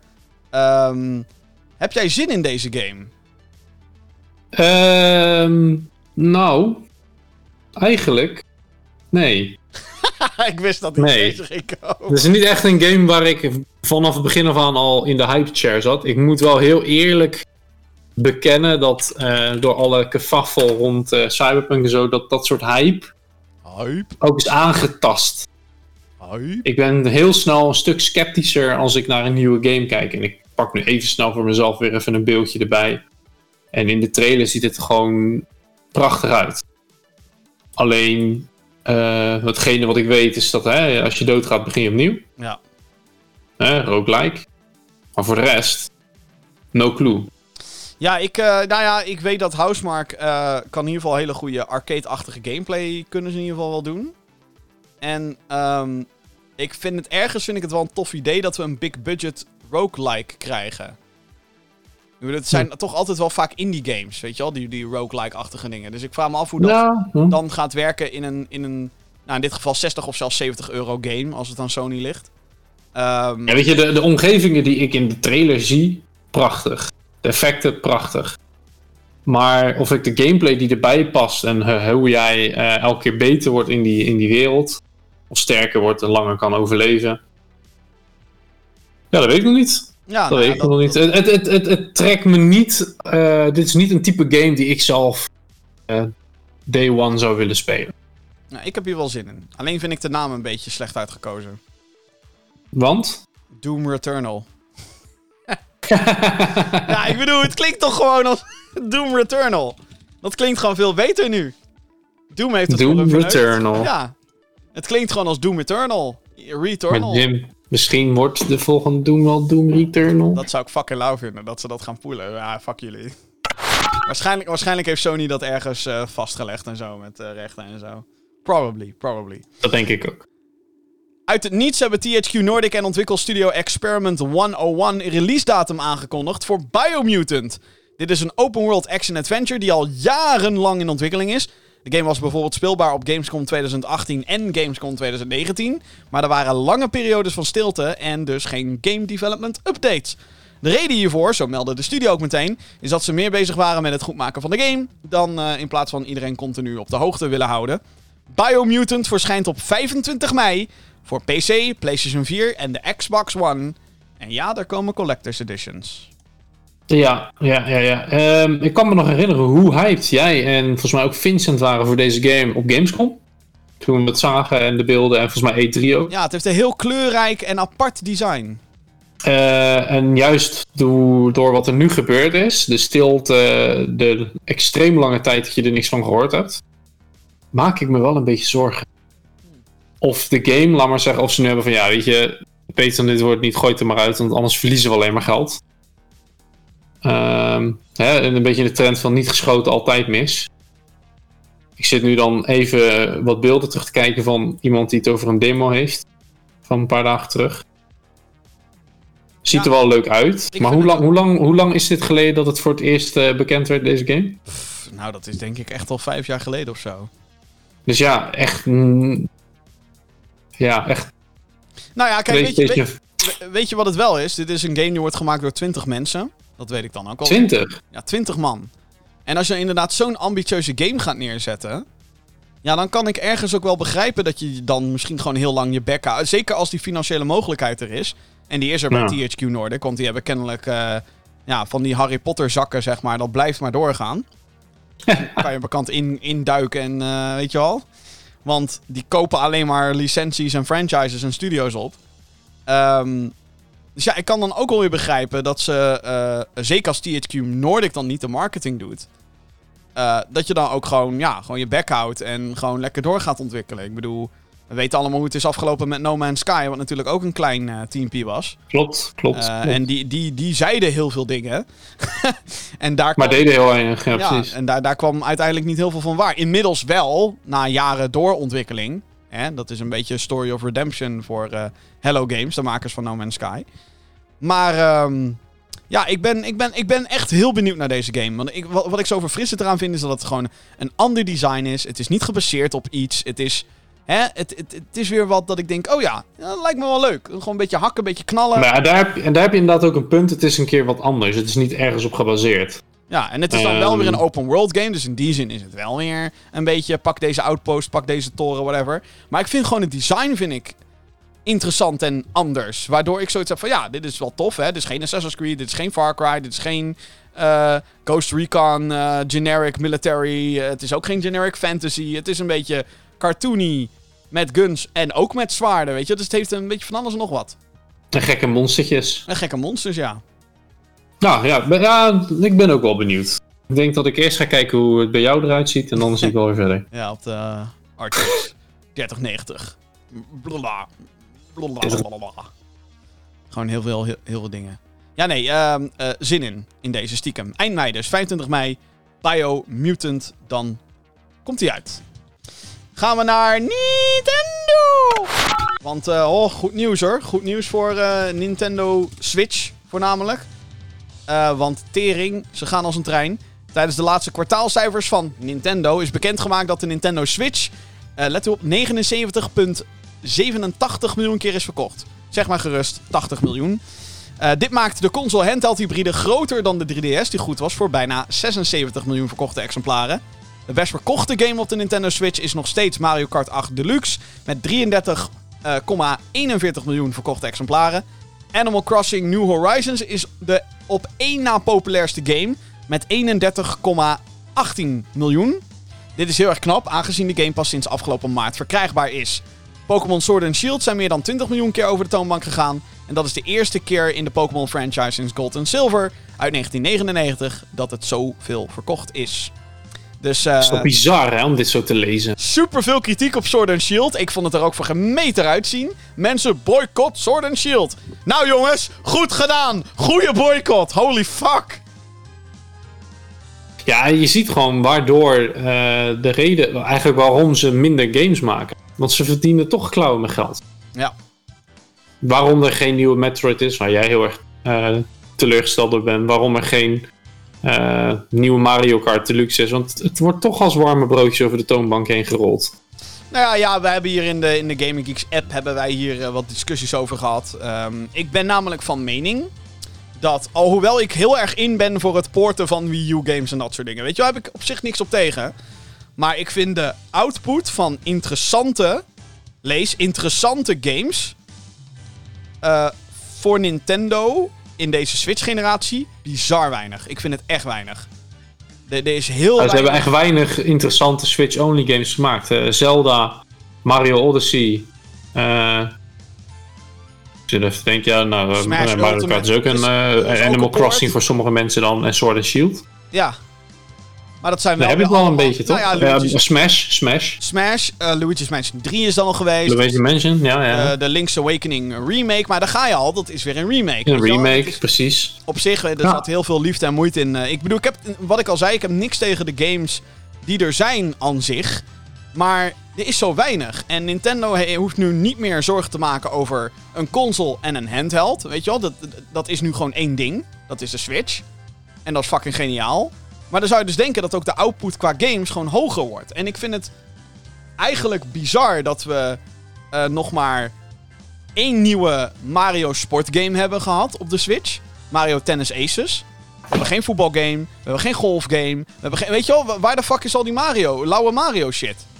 ja, Ehm, precies. Waar, waar, waar is een tweede Mario Party? Weet je wel, waar...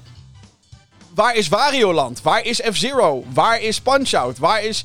Dat ze Star Fox dan nu even on hold zetten, dat snap ik wel na dat miserabele Star, Star Fox Zero op de Wii U. Maar waarom duren al die Wii U-ports ook zo tering lang? Nu je zegt Wario Land, het lijkt me echt cool om die in, in, op een Switch te hebben. Ik heb die op de Game Boy nog gespeeld. Die was zo leuk. Ja, ze hadden er ook eentje op de Wii. Shake Dimension. Dan moet, zou je wel even die controls van dat Shake even moeten aanpassen. Maar die was geniaal. Die was te gek. Oh ja, en we hebben een Kirby game gehad op de Switch. Maar Kirby is inmiddels zo uitgekoud en achterhaald. Dat... En, en nog een, een Yoshi game. Yoshi. Oh ja, ja. Met ook weer bijna exact hetzelfde idee als die van de Wii U. Dus het is allemaal... Snap je, de creativiteit is er gewoon niet meer. En tuurlijk, ik roep nou wel... Maak een nieuwe F-Zero alsof dat dan zo fucking creatief is. Maar dan denk ik wel... Jezus, eh... Er zijn zoveel ide- eh, IP's waar ze nog wat mee kunnen doen. Waar normaal gesproken altijd wel minimaal één game van is, wat nu gewoon niet gebeurt. Ja, maar ja, goed, het je ziet de reden, ze verdienen al klauwen met geld aan oude games. Dat is inderdaad het frustrerende. Ik kan hier wel gaan zitten schreeuwen dat, ehm, hè, dat ze meer creatieve dingen moeten doen. Maar goed, ja, ondertussen heb ik ook zoiets van, nou, dat Super Mario 3D World ziet er leuk uit. Ik heb nooit een Wii U gehad. Komt eh, over eh, tien dagen of zo, komt het uit. Ja, eh, ik heb er wel weer zin in hoor. En een 3D Mario game die ik nog niet heb gespeeld, want hè, Wii U, ja, waarom niet?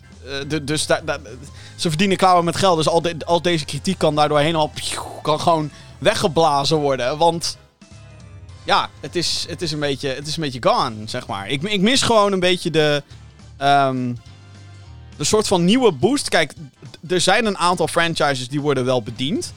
En ik vond het dus echt een verrassing dat ze Luigi's Mansion bijvoorbeeld weer een kans gaven. Maar ik mis gewoon de andere franchises die ze, ehm, die ze doen, zeg maar. Weet je wel? Het, het zijn allemaal nu soort van dezelfde. Ik lees hier ook toevallig nu in de chat dat iemand zegt Xenoblade Chronicles. Nou, zoveel fucking JRPG's hebben we nou al gehad. Fuck dat. Fire Emblem. Fire Emblem wordt fucking uitgekoud. Er zijn 1400 Fire Emblem games inmiddels. Weet je wel? Ga eens wat anders doen. En I get it, dat je een Fire Emblem game op de Switch hebt, sure. Maar als je geen interesse hebt in Fire Emblem, maar wel in de 14 andere Nintendo franchises. Het is alsof ze zichzelf heel erg beperken. En het is niet nodig. Het is echt niet nodig. Die Prime Trilogy. Metroid Prime Trilogy. Kom nou maar gewoon met die shit, want ik betaal er wel weer 60 euro voor hoor. Ja, Jim, je bent ook aan het klagen over 3D All-Stars. Klopt. Dat klopt helemaal. En ik ben erin getrapt. En in een Prime, Ah ja, ik ook. in een Prime Achteraf. Trilogy. Ik zou er zo weer in trappen. Want de Prime Trilogy is fucking lauw. En het is even weer compleet wat anders. Dan, Dat zeker. dan een Fire Emblem Japanese anime bullshit. Want daar, daar ben ik misschien gewoon een beetje klaar mee. Met al die Japanse artstijl en zo op de Switch. Is dat het? Is dat het dan? Heb ik gewoon een aversie tegen Japanse artstijl? Misschien. Ik weet het niet. Kan. Het is gewoon, ja, eh, misschien ben ik, ik ben waarschijnlijk gewoon een oude man die aan het klagen is. Eh, 80. De goede oude tijd. Nee, maar ik meen het. De Gamecube was de meest... Zo creatief is Nintendo nooit meer geweest sinds de Gamecube. Ik zou de Wii Oh, daar echt ook... heel veel. Ik zou de Wii daar zelfs ook nog bij willen pakken. Omdat je toen ook Excite, Excite Truck had. Wat, tuurlijk, het was een launch game, bla bla bla. Maar het was wel een fucking grappig spelletje. En Punch-Out brachten ze terug, weet je wel? Ja, geef me meer van dat soort shit gewoon. Ik wil meer van dat Ja, maar ze hebben gewoon, de, de- je merkt gewoon, er is gewoon nog niet alles uit dit apparaat gehaald op het gebied van de games. Oh, zeker niet. Nee, nee, nee, nee, nee. Dat is, eh, dat is zeker waar. En daarom vind ik het jammer, want ik vind de Switch een prachtig apparaat. En ik ben niet de enige, want hij heeft 80 miljoen. Eh, maar ik denk dan gewoon... Nintendo, je hebt zo'n breed scala aan, aan, aan toffe franchises... die andere type publiek kunnen aanspreken. En wat ik al zei, Ja. dan vind ik Luigi's Mansion 3 vind ik dan echt te gek dat ze dat doen, weet je wel. Maar dan denk ik, meer, meer van dat en wat minder Mario en, en wat minder ports. Of nou ja, doe die ook maar. Maar waarom steek je zoveel moeite in fucking ports? Weet je wel, waarom, waarom duren die ports zo lang? Yup. Eh, 2021 en we zijn nog steeds Wii U games aan het porten. What the fuck? Ja, en, en die port van 3D All-Stars, die was niet eens echt een port. Het Nee, was dat gewoon gewoon- een, was een, gewoon een een emulator. Maar ook dat, zeg maar. Oh, en daarom maak ik me dus ook echt zorgen. We hadden het in die, nou, wat ik al zei, in die Gaming Geeks app hadden we het erover. Dat dit jaar dus eh, Zelda 35 jaar bestaat. En ehm, Metroid 35 jaar bestaat. Wat gaan ze daarvoor doen dan? En ik mag hopen dat voor de 35e verjaardag van Zelda dat die Breath of the Wild sequel er dan al uitkomt. Lijkt me. Ik zou het gaaf vinden als ze die Wii U HD-ports van Twilight Princess en Wind Waker eindelijk een keer over zouden brengen. Want waarom die nog lang niet gepoord zijn, daar snap ik ook geen reet van.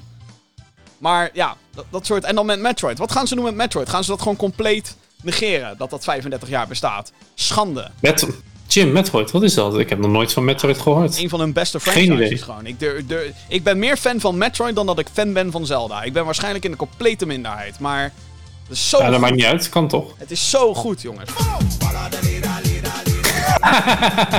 Fucking hell. Dat. Eh, heerlijk. Nou, even eh, van de Nintendo Rage naar een andere Rage gaan dan maar. Zijn, Maar we, is het, is het een rage? Nou ja, kom er maar aan. zijn we er klaar voor? Ja hoor. Dan, en dan doet mijn knopje het weer niet. Het gaat echt heel erg gesmeerd dit. Gaat heel goed. Misschien is het gewoon omdat dat ding moet het inladen en dan denkt hij... Ik wil niet meer, Jim. Ik wil niet meer gewoon. Waarom moet het hier nou weer over... Ja, hè, eindelijk.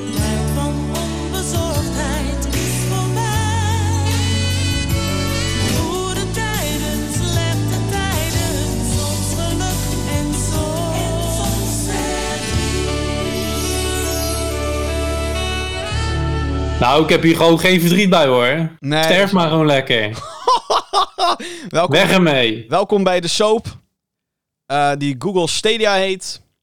Dit is inmiddels eh, seizoen 20, aflevering eh, 1403, denk ik. Google heeft via een blogpost aangekondigd dat zij alle first-party studios voor Stadia gaan sluiten.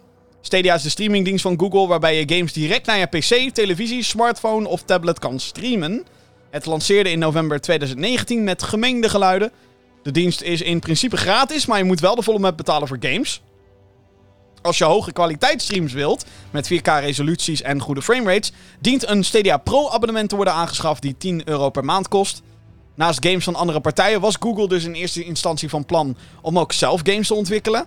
die eh, gamers naar de dienst moesten lokken. Hiervoor hadden zij Jade Raymond, producent van onder andere Assassin's Creed in Montreal met een studio. Shannon Studstill, die jarenlang eh, God of War studio Sony Santa Monica geleid heeft, die stuurde een team aan in Los Angeles. Eh, welke games deze teams aan het ontwikkelen waren, dat is nooit bekendgemaakt, maar dat is nu dus allemaal dood. Wat er met Typhoon Studios gaat gebeuren is nog onduidelijk. Deze partij werd afgelopen jaar overgenomen door Google om te werken aan Stadia Games. Zij hebben de ontdekkingsgame Journey to the Savage Planet gemaakt, die deze week nog op Steam verscheen. Wat nog onheilspellender is voor de dienst, is hoe er in de blogpost gecommuniceerd wordt over Stadia. Phil Harrison meldt namelijk dat ze actief op zoek zijn naar partners die gebruik willen maken van de technologie achter Stadia. Dit lijkt te doen vermoeden dat Google erop uit is de tech achter de dienst te verhuren of verkopen, om vervolgens Stadia zelf af te sluiten. Dat laatste is dus Ja. enkel en alleen een suggestie, behalve dan dat, ehm, dat, dat hetgeen wat Phil Harrison heeft gezegd, dat heeft hij daadwerkelijk gezegd. Ja, pijnlijk. Erg pijnlijk. Oh, het einde is nabij. Het, e- echt maar echt waar. Dit is het begin van het einde voor Stadia. En ik blijf me elke keer verbazen over hoe. ehm, hoe. ehm, hoe Google het voor elkaar krijgt. Een van de machtigste techbedrijven op deze planeet. Met een oneindige. eh, Ja. had het over THQ Nordic, maar deze zakken. zo, ja, oneindige berg met geld. Mensen die verstand hebben van gaming, zou je denken. Phil Harrison bijvoorbeeld, die heeft eh, eh, hiervoor bij PlayStation en Xbox gewerkt. Ehm, en hoe ze het dan voor elkaar krijgen om zo'n slechte dienst af te leveren. Met zo weinig fucking features. En zo weinig begrip voor hoe de gaming-industrie in elkaar zit. Het is ongelooflijk. Ja, ja, en ook gewoon uh, uh, stelletje koppige mensen aan één, eh, hè, gewoon één manier van doen vast blijven houden. Ja, want ze hebben eigenlijk nooit in, in overweging genomen dat ze misschien een abonnementsservice zouden moeten zijn. à la Netflix. Want dan ben je daadwerkelijk de Netflix van games. Bijvoorbeeld, maar ook eh, bijvoorbeeld hoe een, eh, een eh, Nvidia eh, zijn ding doet. Ja. Want daar, hè, ik moet wel zeggen, die heeft volgens mij een lagere resolutie dan wat Stadia biedt. Maar als je daar een abonnement neemt, dan is het niet de games die je daarna nog eh, op dat platform moet kopen. Nee, je kan gewoon inloggen met je eigen Steam, je eigen Epic, je eigen Origin. En dan speel je vanaf hun servers die game. En als een Stadia dat had gedaan, waren er ook heel veel zorgen weggenomen. Want bij Stadia moet je een abonnement betalen. Je moet de game op het platform betalen en kopen. En die heb je geen enkel ander platform. Dus op het moment hè, dat zie je de stekker eruit trekken, ja, dan ben je gewoon het haasje. Dat heb ik al eens eerder in deze podcast gezegd, maar dan ben je echt de sjaak. Dan ben je gewoon je geld kwijt. Ja. Dus je game is gewoon weg, want de licentie staat bij Google op de server. En niet op jouw computer. Ja, ik kreeg van iemand een berichtje van... Oh, misschien gaan ze wel alles refunden. Ik zei, nou, vergeet het maar hoor. Never, never, nooit niet. Als ze jou niet hoeven te refunden... en dat staat waarschijnlijk in de algemene voorwaarden... dat voor het geval dat de studie... Hè, je krijgt een licentie... Je koopt een licentie om toegang te krijgen tot het streamen van de game... zolang Stadia Op loopt. hun service. Ja, Ja, precies. exact. Op hun service. En daarna, als de service ermee stopt, ja, dan heb je pech. Ja, heb je En ik weet niet hoe er, of in de, in de rechten van de mens, in de, in de zin van in de wetboeksten, wetteksten van Nederland, Europa, Amerika, nog iets staat van, hè, als je een product koopt, mag je ervan uitgaan dat die zoveel jaar meegaat. Hè, bijvoorbeeld met een wasmachine of een tv. Zit twee jaar garantie op, maar gaat hij na die twee jaar kapot, kan je nog steeds zeggen, ja, ho, ik heb er zoveel betaald. Daar mag je van uitgaan dat hij meer dan vijf jaar meegaat, of vijf jaar meegaat. En dan moeten ze eh, een soort van middenweg gaan zoeken. Van hé, hey, oké, we betalen de helft van de reparatie. Eh, hierbij, hoe lang heeft deze service bestaan? Kan je best zeggen, ja, als die volgende maand eh opgegeven wordt, kan best een rechter zeggen van hey, eh, Google, heel leuk. Maar mensen hebben heel veel geld betaald. Minimaal de helft moet je terugbetalen. Want eh, je mag ervan uitgaan dat zo'n service opstart door jullie. Dat het minimaal twee, drie jaar draait. Ik, ik durf te wedden dat we nog voordat dit jaar voorbij is. dat Google in ieder geval aankondigt dat ze gaan stoppen met Stadia. En dan Ja, krijgen, is het zo erg? dan krijgen we waarschijnlijk nog, dan krijgen we waarschijnlijk zo van: hé, hey, we gaan ermee stoppen. En de servers gaan dan dicht in de zomer van 2022 of zo, weet ik veel. Dus je hebt dan nog zes maanden om jouw huidige games die je hebt gekocht nog te spelen. Uitspelen, ja, maar precies. we, we laten dan geen purchases meer toe. Weet je wel dat je zo'n uitrol doet? Ehm, Ja, ja. Niemand heeft het over Stadia verder. Niemand heeft het erover. Niemand gebruikt de fucking dienst. Ze zeggen dat ze met Cyberpunk 2077... dat dat voor hun de motivatie was om de first party studios te sluiten. Dat ik denk... Hè? Ik bedoel, ik, ik, geloof, ik geloof heus wel dat Cyberpunk een hitje voor hun is geweest. Relatief gezien. Zeg maar, als je dat gaat vergelijken met andere games die... Hè, het aantallen die daarop zijn verkocht... Kan, durf ik heus wel te geloven dat Cyberpunk daar best goed op heeft gedaan. Want hey, hype, hype, hype, hype overal. Maar... ehm, niemand, heeft, niemand gebruikt fucking Stadia. Echt niemand gewoon. Heel weinig in ieder geval. En dat komt gewoon omdat ze nog steeds features die ze beloofd hebben, zijn nog steeds niet actief. Het is nog steeds niet de dienst die ze hadden beloofd. Het, de- het, inderdaad, wat jij zegt, het vertrouwen in het bedrijf is er gewoon niet. Het was al, al bij de aankondiging waren mensen daar heel sceptisch over. Van, ja, maar als ik een game op Steam koop, heb ik die kans ook. Maar Steam is al zo lang aanwezig. De kans dat die onder de, hè, onder de grond gaat, is niet zo groot. Eh, maar Google doet dit wel vaker. Waar ligt de rechten? Wie heeft de game? En nou, ook- duidelijk. de Google heeft de game. Maar ook de support voor Stadia Ja. vanuit Google is een drama. Want ze hadden Ja. afgelopen najaar hadden ze een nieuwe Chromecast. En daar kon geen Stadia op. Dat moet, dat moet er of nu nog steeds gepatcht in worden, zeg maar, met een firmware update. What the fuck, Google? Ik bedoel, Google Ja, zelf ja. heeft er dus zo weinig vertrouwen in dat hun, hun paradepaardje, de Chromecast, Google TV, whatever the fuck, kon niet één Stadia afspelen. Het is echt een schande. En ik zit, ik het opent, want ik heb hem voor de gein op mijn telefoon staan. Niet dat ik er ooit wat op gekocht heb, maar. Eh, We zijn nog steeds gewoon in, in, in, in, in, het, in de status dat er dus geen fucking zoekbalk is. Ik blijf dit elke keer aankaarten. En je zou denken, het is een klein dingetje, waar maak je je druk over? Maar er is dus geen fucking zoekbalk in de Google Stadia Store. Dus je moet alle games langs bladeren. Om Ja. degene te vinden die jij zoekt. Maar, maar, maar moet je dus nagaan. Een, een, een dienst van Google Heeft geen zoekbalk. heeft geen zoekbalk. Dat is zeg maar waar je heel Stadia... Dat is hoe faal, hoe faalhazerig Stadia is. En ik vind het ook... En, en, en, en wat ik niet begrijp... En daarom denk ik dus echt dat dit het begin van het einde is. Want je kan letterlijk niemand overtuigen dat het ooit nog goed gaat komen met Stadia als je hun first-party studios killt. Want wat lokt mensen op dit moment naar een Netflix, naar een Disney Plus, naar een Hun eigen producten. Exact, naar Amazon Prime Video wilde ik nog zeggen. Ehm, ja, naar Amazon Prime Video ga je voor de fucking boys. En straks hopelijk voor hun The Lord of the Rings. Naar Netflix ga In je. het begin voor- was het de Grand Tour natuurlijk. Ja. En, en bij Netflix heb je... Nou, nu heeft Disney heeft al die Marvel-series, maar dat Ja. was op Netflix eerst ook. Dus je hebt gewoon... Netflix heeft zijn eigen originals. Iedereen heeft zijn eigen originals. En met, met een Stadia... Dan heb je een bepaald... Ja, maar die kan ik ook gewoon op mijn PC spelen, want die is sterk genoeg. Of die kan ik gewoon op mijn Playstation spelen. Of... Ja, Er is, er is geen. Er is geen, letterlijk geen reden om Stadia te gebruiken. Er is geen reden om jouw 60 euro bij Stadia neer te leggen. in plaats van een PlayStation of een Xbox. En je zou. Hè, de, de, de, Google spokesperson zou dan tegen mij zeggen. Ja, maar voor de PlayStation 5 moet je 500 euro neerleggen voor een box.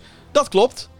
En dan maar dan staat- is die wel van jou. Maar dan staat die box inderdaad bij mij. En dan weet ik dat die game bij mij gaat draaien. En als die game niet draait, krijg je een Cyberpunk 2077 situatie. Refunden die teringzooi. En dat is... Het, ja, ik, ik kan niet begrijpen hoe fucking doof ze zijn geweest het afgelopen jaar. 0, nooit naar fucking feedback geluisterd. Eh, nog de helft van hun features zit er nog niet in. Het is een fucking farce. En de library is schandalig slecht. Het is echt ongelooflijk. Dus misschien ben ik er ook gewoon stiekem op aan het verheugen dat Stadia doodgaat. Gewoon alsjeblieft, ga dood. Stadia, ga dood. Hou er dan gewoon mee op. Als je niet de moeite en als je niet wil luisteren naar wat mensen te zeggen hebben, ga dan gewoon weg. Dan willen we je ook echt niet gewoon. Dan willen Ja, maar je- dat, dat, dat gevoel heb, dat sentiment heb jij natuurlijk wel heel snel had jij dit.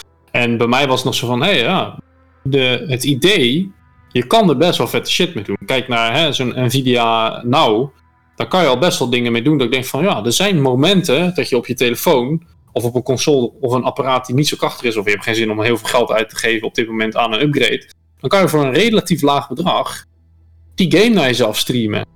Eh, er was een bepaalde platform dat heette Shadow. Dan kon je een hele server afhuren. Gewoon om op de computer, om te, hè, om te editen, op te doen, maar ook op te gamen.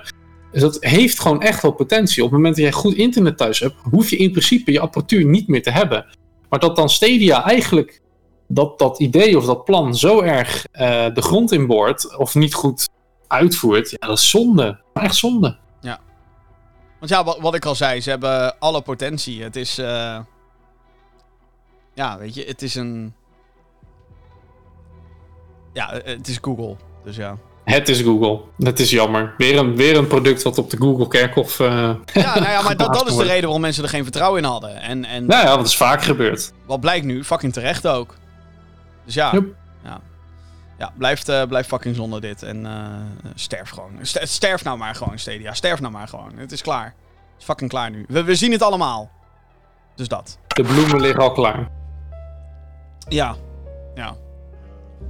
Overigens waren er schijnend ook dat er allerlei projecten in ontwikkeling... Ja, natuurlijk. Er waren allerlei projecten in ontwikkeling. En... Maar dat ook, zeg maar. Ze hebben nooit kunnen bewijzen waarom cloud gaming lauw is en zo. En er zijn nu ook weet ik hoeveel eh, getalenteerde game developers waarschijnlijk die nu ook zonder werk zitten, weet je al. Die hebben nooit een fucking ding überhaupt kunnen laten zien waar ze... Nou, goed. Ja, zonde man. Ik, zeg word, zonde. ik, kan, ik kan hier heel boos over worden. Ondertussen bij betere diensten. eh, sorry. Eh, een nieuwe maand is aangebroken en dat betekent dat we weer nieuwe games kunnen downloaden op de abonnementsdiensten van de grote consoles. Eh, bij Xbox Live Games with Gold komt deze maand bijvoorbeeld beschikbaar Gears 5, Dendara Trials of Fear Edition, dat is een platformer, Resident Evil, de eerste, HD, Indiana Jones and the Emperor's Tomb. Goh, waar zou dat mee te maken hebben? Misschien iets met Bethesda en een Indiana Jones game? Hm. En eh, Lost Planet 2. Dus dat is een prima line-up. Met name Gears 5 is eh, te gek. Dus mocht je Xbox Live Gold hebben, zeker deze even toevoegen. Nou, sowieso allemaal toevoegen aan je bibliotheek natuurlijk, zoals altijd. Eh, voor leden van PlayStation Plus is nu te downloaden Concrete Genie, Control Ultimate Edition op zowel PS4 als PS5 en Destruction All-Stars op de PlayStation 5. Ook een killer Laat, line-up. eh, oh, sorry. Hè? Nou, ook een killer line-up. Nou, ik moet eh, de laatste twee nog eventjes eh, claimen. Want Conkin Genie die, is al een bezit van, van, van Bobby. Die had die game al op de PlayStation 4. Dus Maar dat is ook al digitaal bezet. op jouw account? Ja, maar ik hoef hem niet. Ja, hallo, claim nou gewoon, man. Gewoon even... Je hoeft, da- je hoeft maar twee keer te klikken op je kutcontroller. Je hoeft alleen Ik heb, maar... geen, eh, ik, ik heb geen fear of missing out. Ik hoef die game niet. Weg met die game. Bleh. Gewoon toevoegen aan je bibliotheek. Gewoon toevoegen, verdomme. Ja, ja, ja, we zien wel, we zien wel. We zien Eh, die dan. De Lo- Lost Planet 2 eh, is, was een van de laatste goede Lost Planet games.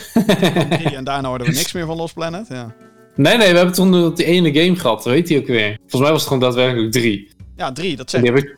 en die heb ik oh, sorry, dan heb ik het verkeerd staan. Maar die heb ik toen nog afgekraakt. Ja, klopt. Die was echt shit. Die was echt shit.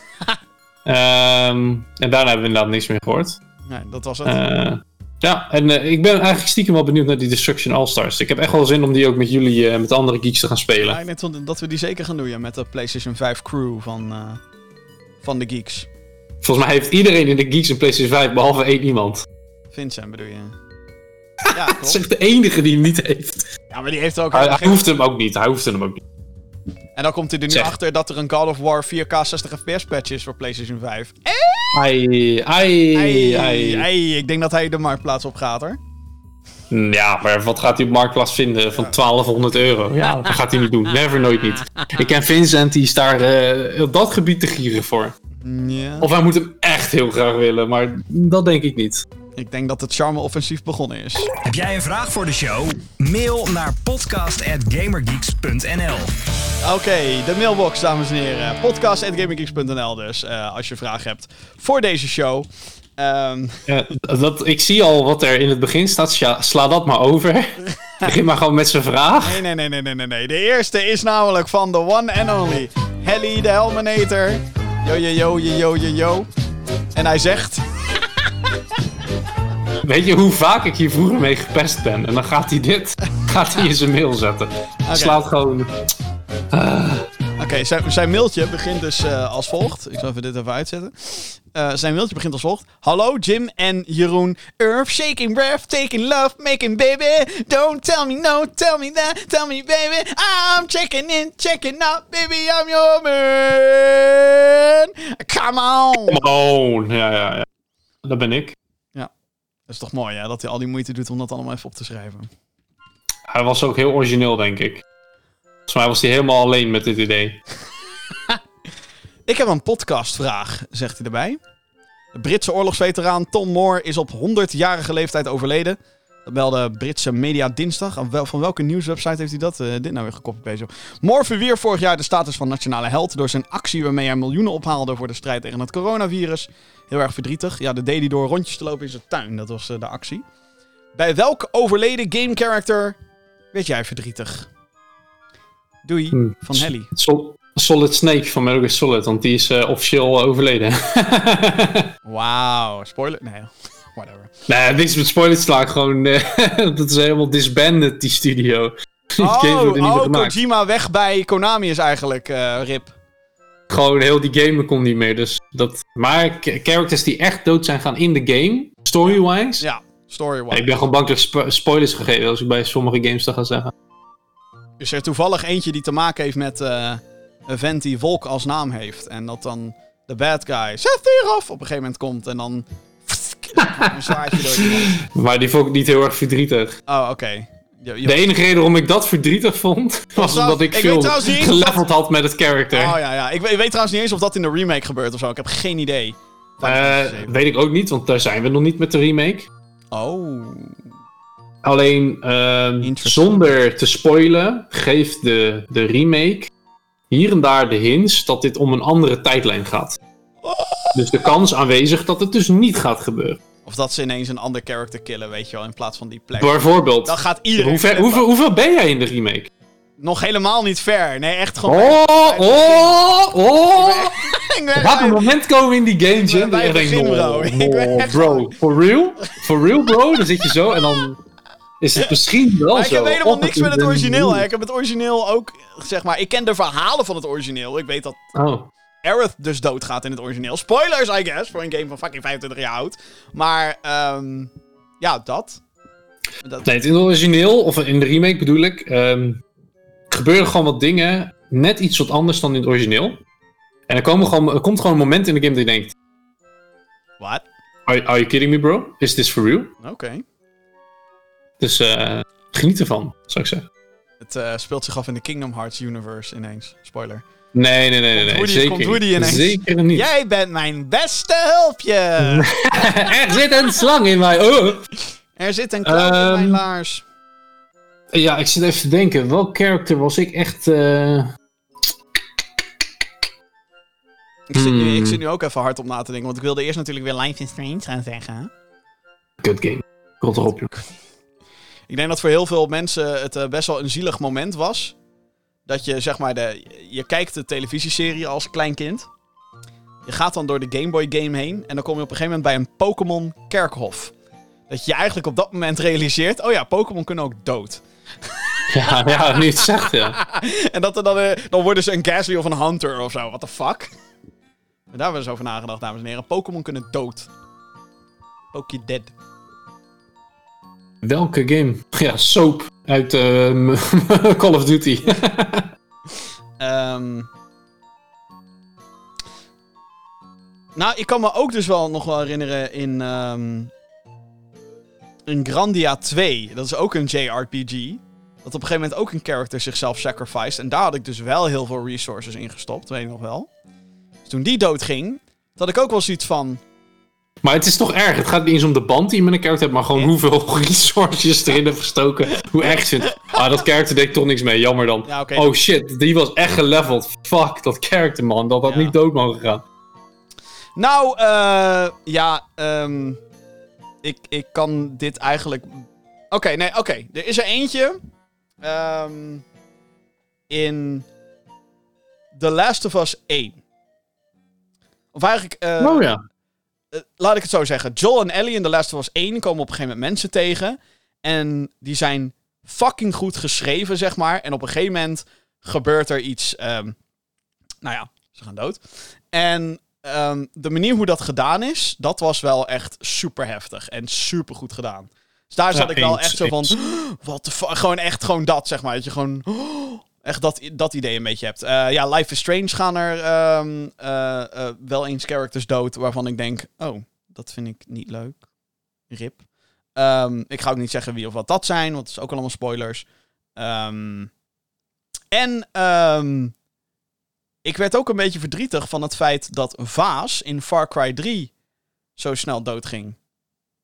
Ja, eens, eens. Want ik Want had dat- zoiets van- vanaf dat moment werd de game ook een beetje slecht. Ja, ik had zoiets van, ja, maar ik wil dat hij gewoon lekker de Far Cry 4, 5, 6, 7, 8, dat hij gewoon de bad guy blijft. Want hij is fucking lauw, zeg maar. Hij was hetgeen wat de game interessant maakte. Niet dat ik dan verdrietig werd dat hij doodging, maar gewoon, ja, dat je denkt, ja, het is gewoon...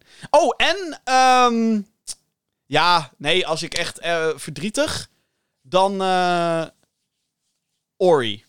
Maar meer dan dat ga ik ook niet zeggen, want spoilers. Maar Ori, daar werd ik wel echt oprecht eh, een beetje depressief van. En dat is ook natuurlijk overdreven, want het, het is maar een spelletje. Maar dat was ook ha- hard, heartbreaking. Oké, volgende mailtje doen dan maar. Ja, is goed, want ik weet het niet. Hallo Gaming Geek. zo- wat we gezegd hebben. Ja, eh, hallo Gaming Geek. Zoals we allemaal... Ja, hij zelf. In Heroes of the Storm gaat hij veel, veel te vaak dood. Hey! Hallo Gaming Geek. Zoals we allemaal wel weten zijn reviews van games relatief. Of eerder subjectief, is denk ik het woord wat je zoekt. Dit komt natuurlijk omdat iedereen andere wensen heeft voor een goede game. Mijn vraag is welke game die een hele hoge waardering heeft gekregen vinden jullie echt verschrikkelijk? En welke game die een lage waardering heeft verdiend, eh, eh, volgens jullie, eh, moet weer een veel hogere waardering krijgen? Ik ben benieuwd naar jullie antwoorden met vriendelijke groet. Olé. Kijk, het Nou, ik, denk dat we, ik denk dat we het samen heel erg duidelijk kunnen zeggen dat Cyberpunk op sommige plekken veel te cijfers heeft gekregen voor wat het is. Iedereen die die game een 9 of hoger, hoger heeft gegeven, of een 8 überhaupt, schaam je, schaam je kapot gewoon. Schaam Want je. hè, zoals hij zegt, eh, alle reviews zijn relatief subjectief. Is op zich wel waar, maar er is altijd wel een soort van kern van wat een game moet zijn om een stempel goed te krijgen. Ja. Eh, hè, niet iedereen houdt van hetzelfde genre, niet iedereen houdt van dezelfde stijl, maar er moet nog steeds wel iets aanwezig zijn voordat je kan zeggen, oh, dit is een goede game. Ehm, of dat nou gameplay, verhaal of grafisch is, er moet altijd wel een soort van driehoek van alle drie zijn, wat een balans zorgt. Het hoeft niet altijd een heel goed verhaal te zijn, maar dan moet de gameplay echt wel heel sterk zijn of grafisch heel sterk zijn. Maar als één van de twee volledig wegvalt en de andere twee supporten dat niet, dan heb je gewoon niks.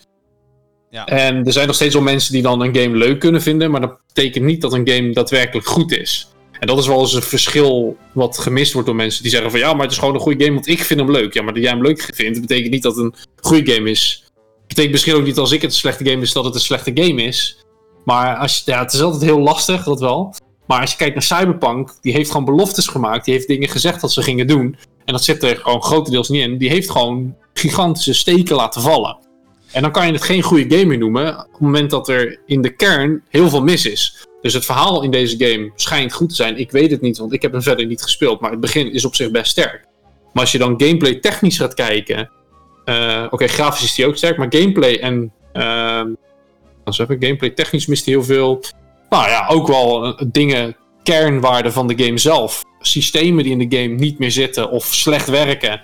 Die bij games uit 2005, oké, zo overdreven, 2010 er wel zijn. Ja, dan vind ik het geen goede game. Dan is het eigenlijk ook geen goede game meer te noemen. Want je hebt gewoon vind- dingen erin zitten die gewoon heel slecht zijn. Ik vind oprecht dat reviewers bij Cyberpunk 2077... Daarin zijn game reviewers echt veel te laconiek geweest. En zijn veel te veel meegelift met de hype van, Ja. van Cyberpunk. Het is echt...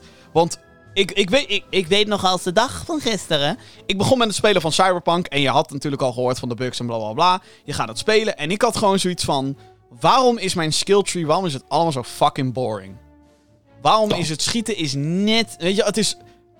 Ik had het met equipment. Ik zag een paar momenten, dan dan kwam ik in de winkel of bij, eh, met items. En dacht, waarom zijn deze items allemaal zo boring? Waarom kijk ik naar plaatjes eh, in een minuutje? Waarom is het minuutje zo onoverzichtelijk? Waarom spant politie om me heen? Waarom, waarom rijden auto's allemaal zo raar? En dat zijn dingen die je in één uur... Kan je die, maak je die dingen allemaal mee. En ik kan niet begrijpen dat een, een kritische... Iemand die zichzelf een game critic noemt...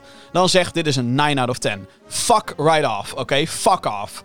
Want er zijn weet ik hoeveel games die dit soort dingen beter voor elkaar hebben. Ehm, weet je, maar dan wel bijvoorbeeld Assassin's Creed Valhalla een 7 geven of zo, weet je wel? Dan denk ik, what the fuck heb jij gesnoven, man? What the fuck? Ja, wat, wat inderdaad heel grappig is, want een Valhalla is in dit geval een veel stabielere, complete game. En daar gaat het denk ik een beetje om. Die heeft gewoon, hè, hij zal niet op alle vlakken even sterk zijn, maar hij heeft een, een, een, een prima verhaal, prima graphics, prima gameplay. Hij zal wel bugs hebben, maar niet zo extreem als Cyberpunk. Als de systemen die die, nou ja, zover ik weet beloofd zitten erin. En dat is bij Cyberpunk niet. En die krijgt dan wel hoge cijfers, alleen maar omdat het CG Project Red is. Ja, en dat vind ik dan gaar, weet Ja, je. nou, ik, denk- Ja, ik, ik denk echt gewoon. Ik, ik, ik bedoel, eh, niet dat ik mensen wil aanvallen of zo. Maar als je een gamejournalist bent die bij de eerste, toen Cyberpunk net uitkwam.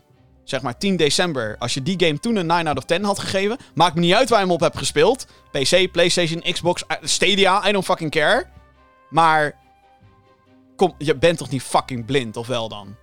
Gewoon, Nee, precies, heb een beetje precies. kwaliteit, jongens. En ik, en ik snap heel goed dat je misschien niet super kritisch kijkt naar bijvoorbeeld de shooting mechanics. Of bijvoorbeeld de, de skill trees of de diepe RPG-systemen. Maar als je een paar uur speelt, dan kom je toch vanzelf tot de conclusie dat er gewoon niet heel veel van al die systemen in zit. En ik snap Maar het werd toch ook heel gauw duidelijk dat eh, eh, het, het voorverhaal wat jij koos, waar je kerk vandaan kwam, ook helemaal geen stroom voorstelde. Ook dat, het boeit geen fuck. En daar, daar is nu is daar allemaal kritiek op. Maar dan vanuit de YouTube-hoek. Want YouTubers, die maken deze game helemaal kapot.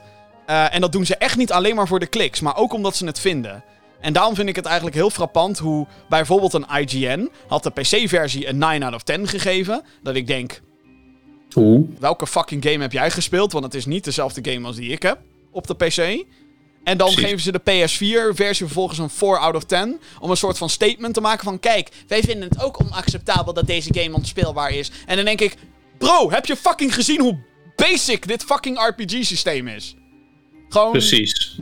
Maar dan ook zeggen... Cyberpunk 2077 is in zijn kern een goede game. Maar door de performance op de PlayStation denk ik... eh, Nou ja, misschien is het... Maar, dit, probleem, basis- maar deze, de- de- dit wordt toch ook gepusht door de studio zelf. Die zeggen op een moment ook, ja, sorry. eh, hè, de, de, de last-gen consoles, de, de performance blijft achter. Maar op de PC hebben we goede reviews gehad. En ik van, maar het is nog steeds dezelfde kut game. Ja, op PlayStation draait hij nog kutter dan dat hij op de PC doet. En op PC draait op zich prima. Maar de bugs zijn niet het enige probleem. De Nee. game is gewoon incompleet. We hadden een. eh, eh, laatst was er een video gepubliceerd door. Kut, nu weet ik het kanaal even niet meer uit mijn hoofd. Maar een YouTube-kanaal Beat'em Ups, geloof ik. Ja, volgens mij is dat een min. Even, even meteen even zoeken. Maar die heeft echt een vlijmscherpe video gemaakt over. Eh, over Cyberpunk. Die duurt, Het is inderdaad beat-em ups. Ja, ja, ja. die duurt bijna drie kwartier. Eh, echt waar, check die review. Het heet CD Projekt Are All Liars. Hij heeft later ook gezegd, nou, daar heb ik wel een beetje eh, moeite mee dat ik het, de video zo heb genoemd. Maar goed, hè, het is toch YouTube, je moet kliks halen. Maar die analyse is vlijmscherp. En een van de dingen die hij daar ook in zegt, en ik ben het daar 100% in- mee eens, is dat de bugs hebben, hè, die zijn grappig en die, en die hebben eigenlijk nu een beetje het gesprek overgenomen. Terwijl inderdaad, wat wij dus nu ook al benoemen, dat die onderliggende systemen van Cyberpunk zijn ook allemaal underwhelming, saai en op zijn best mediocre. En dan Je merkt gewoon dat in deze game alles er is aan gedaan om jou eh, voor de gek te houden, moet ik het maar zeggen. Want Ja. je, het, er zou eerst animaties van je character zijn. Die hebben ze weggedaan. Waarom? Omdat de animaties gewoon ontzettend kut zijn. En die zie je nog op het moment dat je je eigen schaduw Ja, ziet. die, eh, die gekke eh, walking animaties, ja. Bijvoorbeeld. Ik heb een Eh, en zo zijn, er, zo zijn er meer systemen die er gewoon uit zijn gehaald. Alleen omdat ze merkten, oeps, het gaat niet helemaal lekker. ja, eh, Maar dan nu de moeilijkste. Een game die laag heeft gescoord, maar waar wij van denken... Oh, wow. oh, Nou ja, kijk, dit, is, dit, dit vind ik altijd een beetje lastig, want ehm, dan zou je inderdaad naar de Metacritic moeten kijken. En ik weet natuurlijk niet van elk spel die er ooit is uitgekomen waarvan ik denk, oh, dat is goed. Dat die, wat voor Metacritic die heeft gekregen, of wat, hoe die beoordeeld is. Kijk, Cyberpunk is dan ook voor ons makkelijk om het nu over te hebben, omdat het een recent voorbeeld is. En ook een heel duidelijk voorbeeld van games die wij slechter vinden dan de cijfers die het heeft gekregen. Eh, is natuurlijk ook sowieso eh, hè, weer zo'n dingetje van cijfers. Weet je wel, bah. Maar ehm, ja, ik, eh, ik weet het. Ah, Kijk, ik vind sowieso dat de meeste critical reviews zijn vaak wat milder dan dat ik ben. Dus daar ga je al. jij bent best wel pittig inderdaad. Ja, nee, maar ik bedoel, ja, kijk nu naar wat er met, wat er met, ehm, hoe heet het? W- wat er met ehm, Cyberpunk is Cyberpunk, gebeurd, ja. ja. Maar ik vind hetzelfde ook trouwens van Animal Crossing. Ik vind echt, als je een kritische reviewer bent, moet je, vind ik, ook bovenop de hype kunnen zitten. En ook kunnen zeggen, ja, Metascore is 9 out of 10 van Animal Crossing, zie ik nu. Ehm, maar dan denk ik ook, hebben jullie, he- heeft iemand van jullie de online mode geprobeerd? Die is Hoe echt fucking shit dat is. Gewoon. Hoe fucking kut het is. En dat, tuurlijk, de game is super charmant en blablabla. En oh, het is allemaal zo charmant, dat Animal Crossing. Maar kijk even naar de fucking mechanics gewoon. En durf het Ik heb nog... trouwens een game gevonden die ik wel denk dat hij iets mogen, hoger had mogen scoren. Ja, kom maar door. Ja. De, de 13 remake, die heeft echt heel laag gescoord. Ik denk dat hij wel meer had verdiend. Fuck off, bro. Godverdomme. De 13 remake. Fuck off. Nou, ehm we hebben het eh, eh, nu het over slechte remakes. En dan, dan moet ik meteen denken aan Blizzard. Heroes of the Storm. De wat had die voor scoren? Die had, eh, nou, daar, daar maakt de game dus nog steeds grapjes over. Die kreeg heel erg famously een 6.5 out of 10 van IGN. Omdat Oh, I- ja, ja, ja. IGN had het toen de tijd door een, eh, een, een gast laten reviewen die helemaal verslaafd was aan Dota. Dus alles wat niet leek op Dota, dat vond die vent eh, eh, slecht. Ik weet ook niet hoe die daarop komt. Maar ehm, ja, die is over het algemeen... Even kijken. Oh ja, ik zie dat de Metascore 86 is. Nou, dat valt dan wel weer mee. De meeste reviews... Oké, ja, ik zit nu te kijken. De meeste reviews daarvan waren eigenlijk best wel positief. Maar als je dan kijkt naar de, naar de user score, die is best wel laag. Ja, maar de user score is altijd laag, want daar komen altijd haters op af. Bij Metacritic. Ja, dat is ik precies. neem dat wel echt met een korrel zout zelf. Ehm hmm. Oké, laat maar zitten. Slecht voorbeeld. Eh, pff, ik heb geen idee. Ik heb geen idee. Trackmania. Turbo. Is die slecht beoordeeld? Zal wel niet. 79, ja, klinkt eigenlijk wel goed. Nee, ik kan niet even een andersom voorbeeld. eh, dan moet ik daar echt hevig... Dat is ook moeilijk. Dat is ook moeilijker. Ja. Andersom, hè, positieve scores negatief komen vaker voor dan andersom. Alhoewel ik wel blij vinden dat Bioshock 2, maar dat is met name door de, ehm, door de community, zeg maar. De online algemene gaming community. Wordt Hm? eh, Bioshock 2 wel echt negatief, negatiever neergezet dan 1 en 3. En Nou, als je dan kijkt op Metacritic, heeft hij nog steeds een 8.8 en een 8.1. ja, daarom. Dus, dus daar is op zich niks mis mee. Maar eh, ja, ik, ik vind niet dat Bioshock 2 de negativiteit verdient die het soms krijgt. Eh, ik weet het niet, jongens. Ik weet het niet. Maar weet je wat ook zo mooi is dan zo'n eh, zo'n review? Ik kijk nu naar een review uit 2014 voor die game door een user. Dan positive thing about Bioshock 2 could have been that after a huge disappointment that was the first Bioshock for me, I didn't expect anything at all uh, of part 2. Dan denk van, hè? Dan moet je gewoon niet van dit soort games houden. Nee. Dan kan die game niks aan doen. Jij bent gewoon niet... Je houdt niet van deze games. Zeker als je dan in je naam Deus Ex en XCOM hebt staan, dan weet ik al gewoon, ja, je houdt gewoon van die hele andere type games. Maar dan kan je de game niet blamen. Ja, dan moet je Cyberpunk gaan spelen. oh. Oké, eh, volgende. Ik, eh, dus deze is van Tim. Ik heb deze week What Remains of Edith Finch gespeeld. Een super toffe walking simulator. Met een fantastisch verhaal. Dus mijn vraag, wat zijn nog meer toffe walking simulators met een goed verhaal? En nu komt de grote caveat. Behalve Firewatch, want die heb ik al gespeeld. Nou, mijn antwoord was Firewatch. Nou, mijn antwoord is dan eh, Death Stranding. Oh, scherp. Scherp. Scherp. Het is ook zeker een walking simulator met hier en daar echt goede actiestukken. En eh, ik heb hem nog niet uitgespeeld, maar mijn heeft het verhaal eh, toch al een paar keer goed te pakken gehad.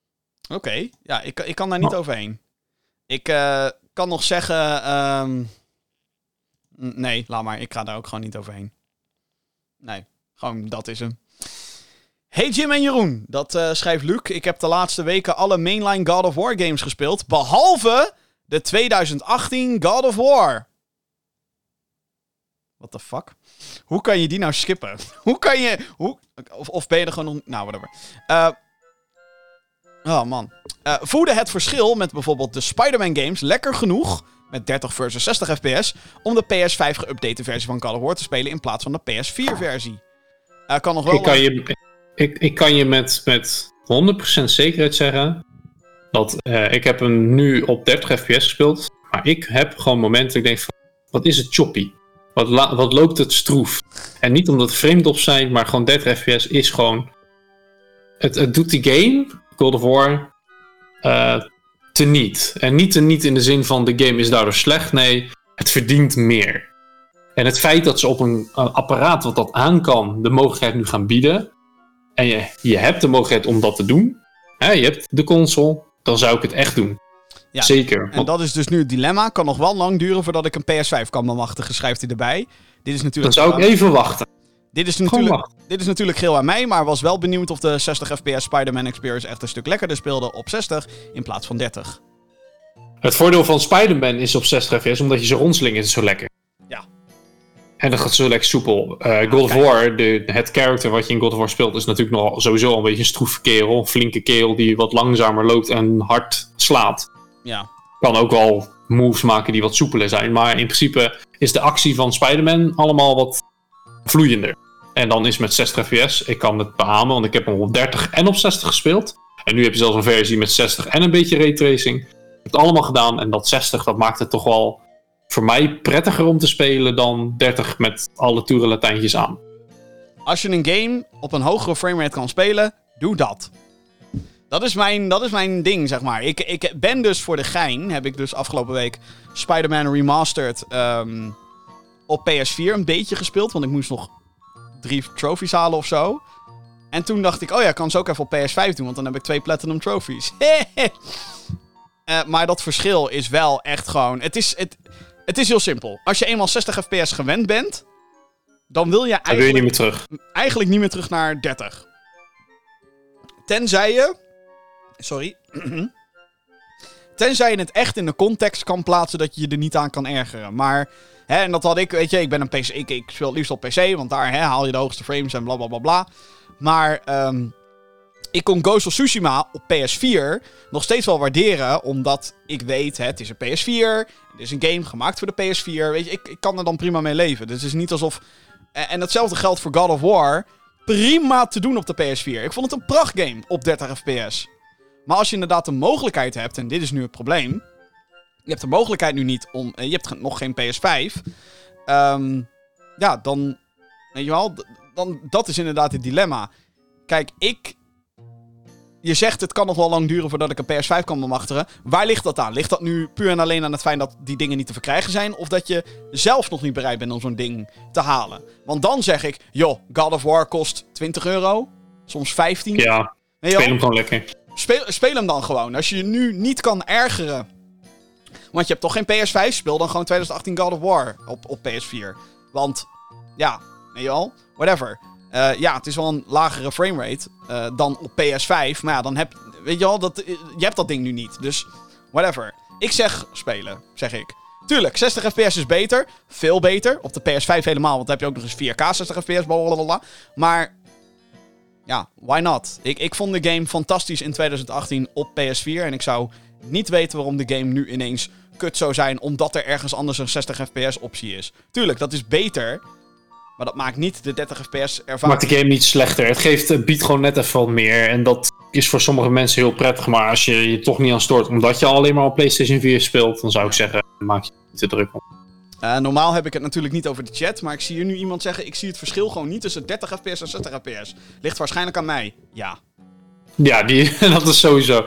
Ik weet niet waar je op speelt. Niet- Ik, eh, het kan ook zomaar zijn dat je je scherm niet goed hebt ingesteld. Maar in principe merk je direct het verschil. Er zijn altijd mensen die dat niet kunnen.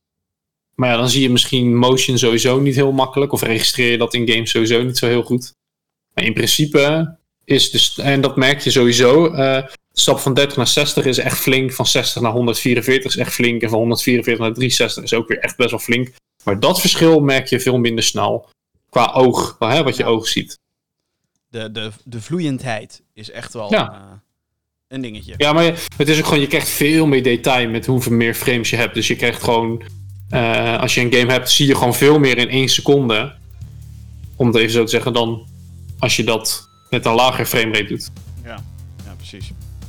Ik eh, zag ook nog allerlei mailbox minigames voorbij komen, maar ik denk dat we dan echt hier nog minstens een uur zitten. Dus laten we dat eh, lekker bewaren voor de volgende keer. Eh, dat betekent dus dat we bijna aan het einde zijn gekomen van deze aflevering van de Gaming Geeks podcast.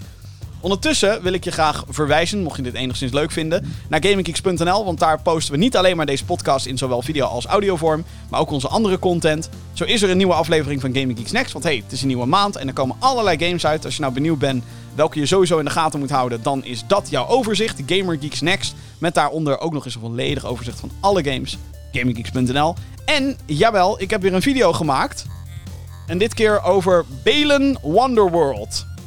Een 3D-platformer, gemaakt door oud eh, Sonic developers, uitgegeven door Square Enix. Er is een En daar was je best wel positief over. super positief. Positief agressief misschien. Maar eh, check die video. Demo-impressies op gaminggeeks.nl. Ehm, en eh, ja, in de tussentijd zou ik zeggen, abonneer op deze podcast. check de video's. abonneer op het YouTube-kanaal. En wat ik al zei, check ook vooral de website. Ehm, Jeroen, bedankt weer voor vandaag. Geen enkel probleem. Was me een waar genoegetje. Hij was weer fijn, hij was weer leuk als je het aan mij vraagt. Dus eh, ja, nou, volgende keer weer. Eh, bedankt allemaal voor het luisteren naar de 160ste aflevering van de Gaming Geeks podcast. En zoals altijd, tot een volgende keer. Aju!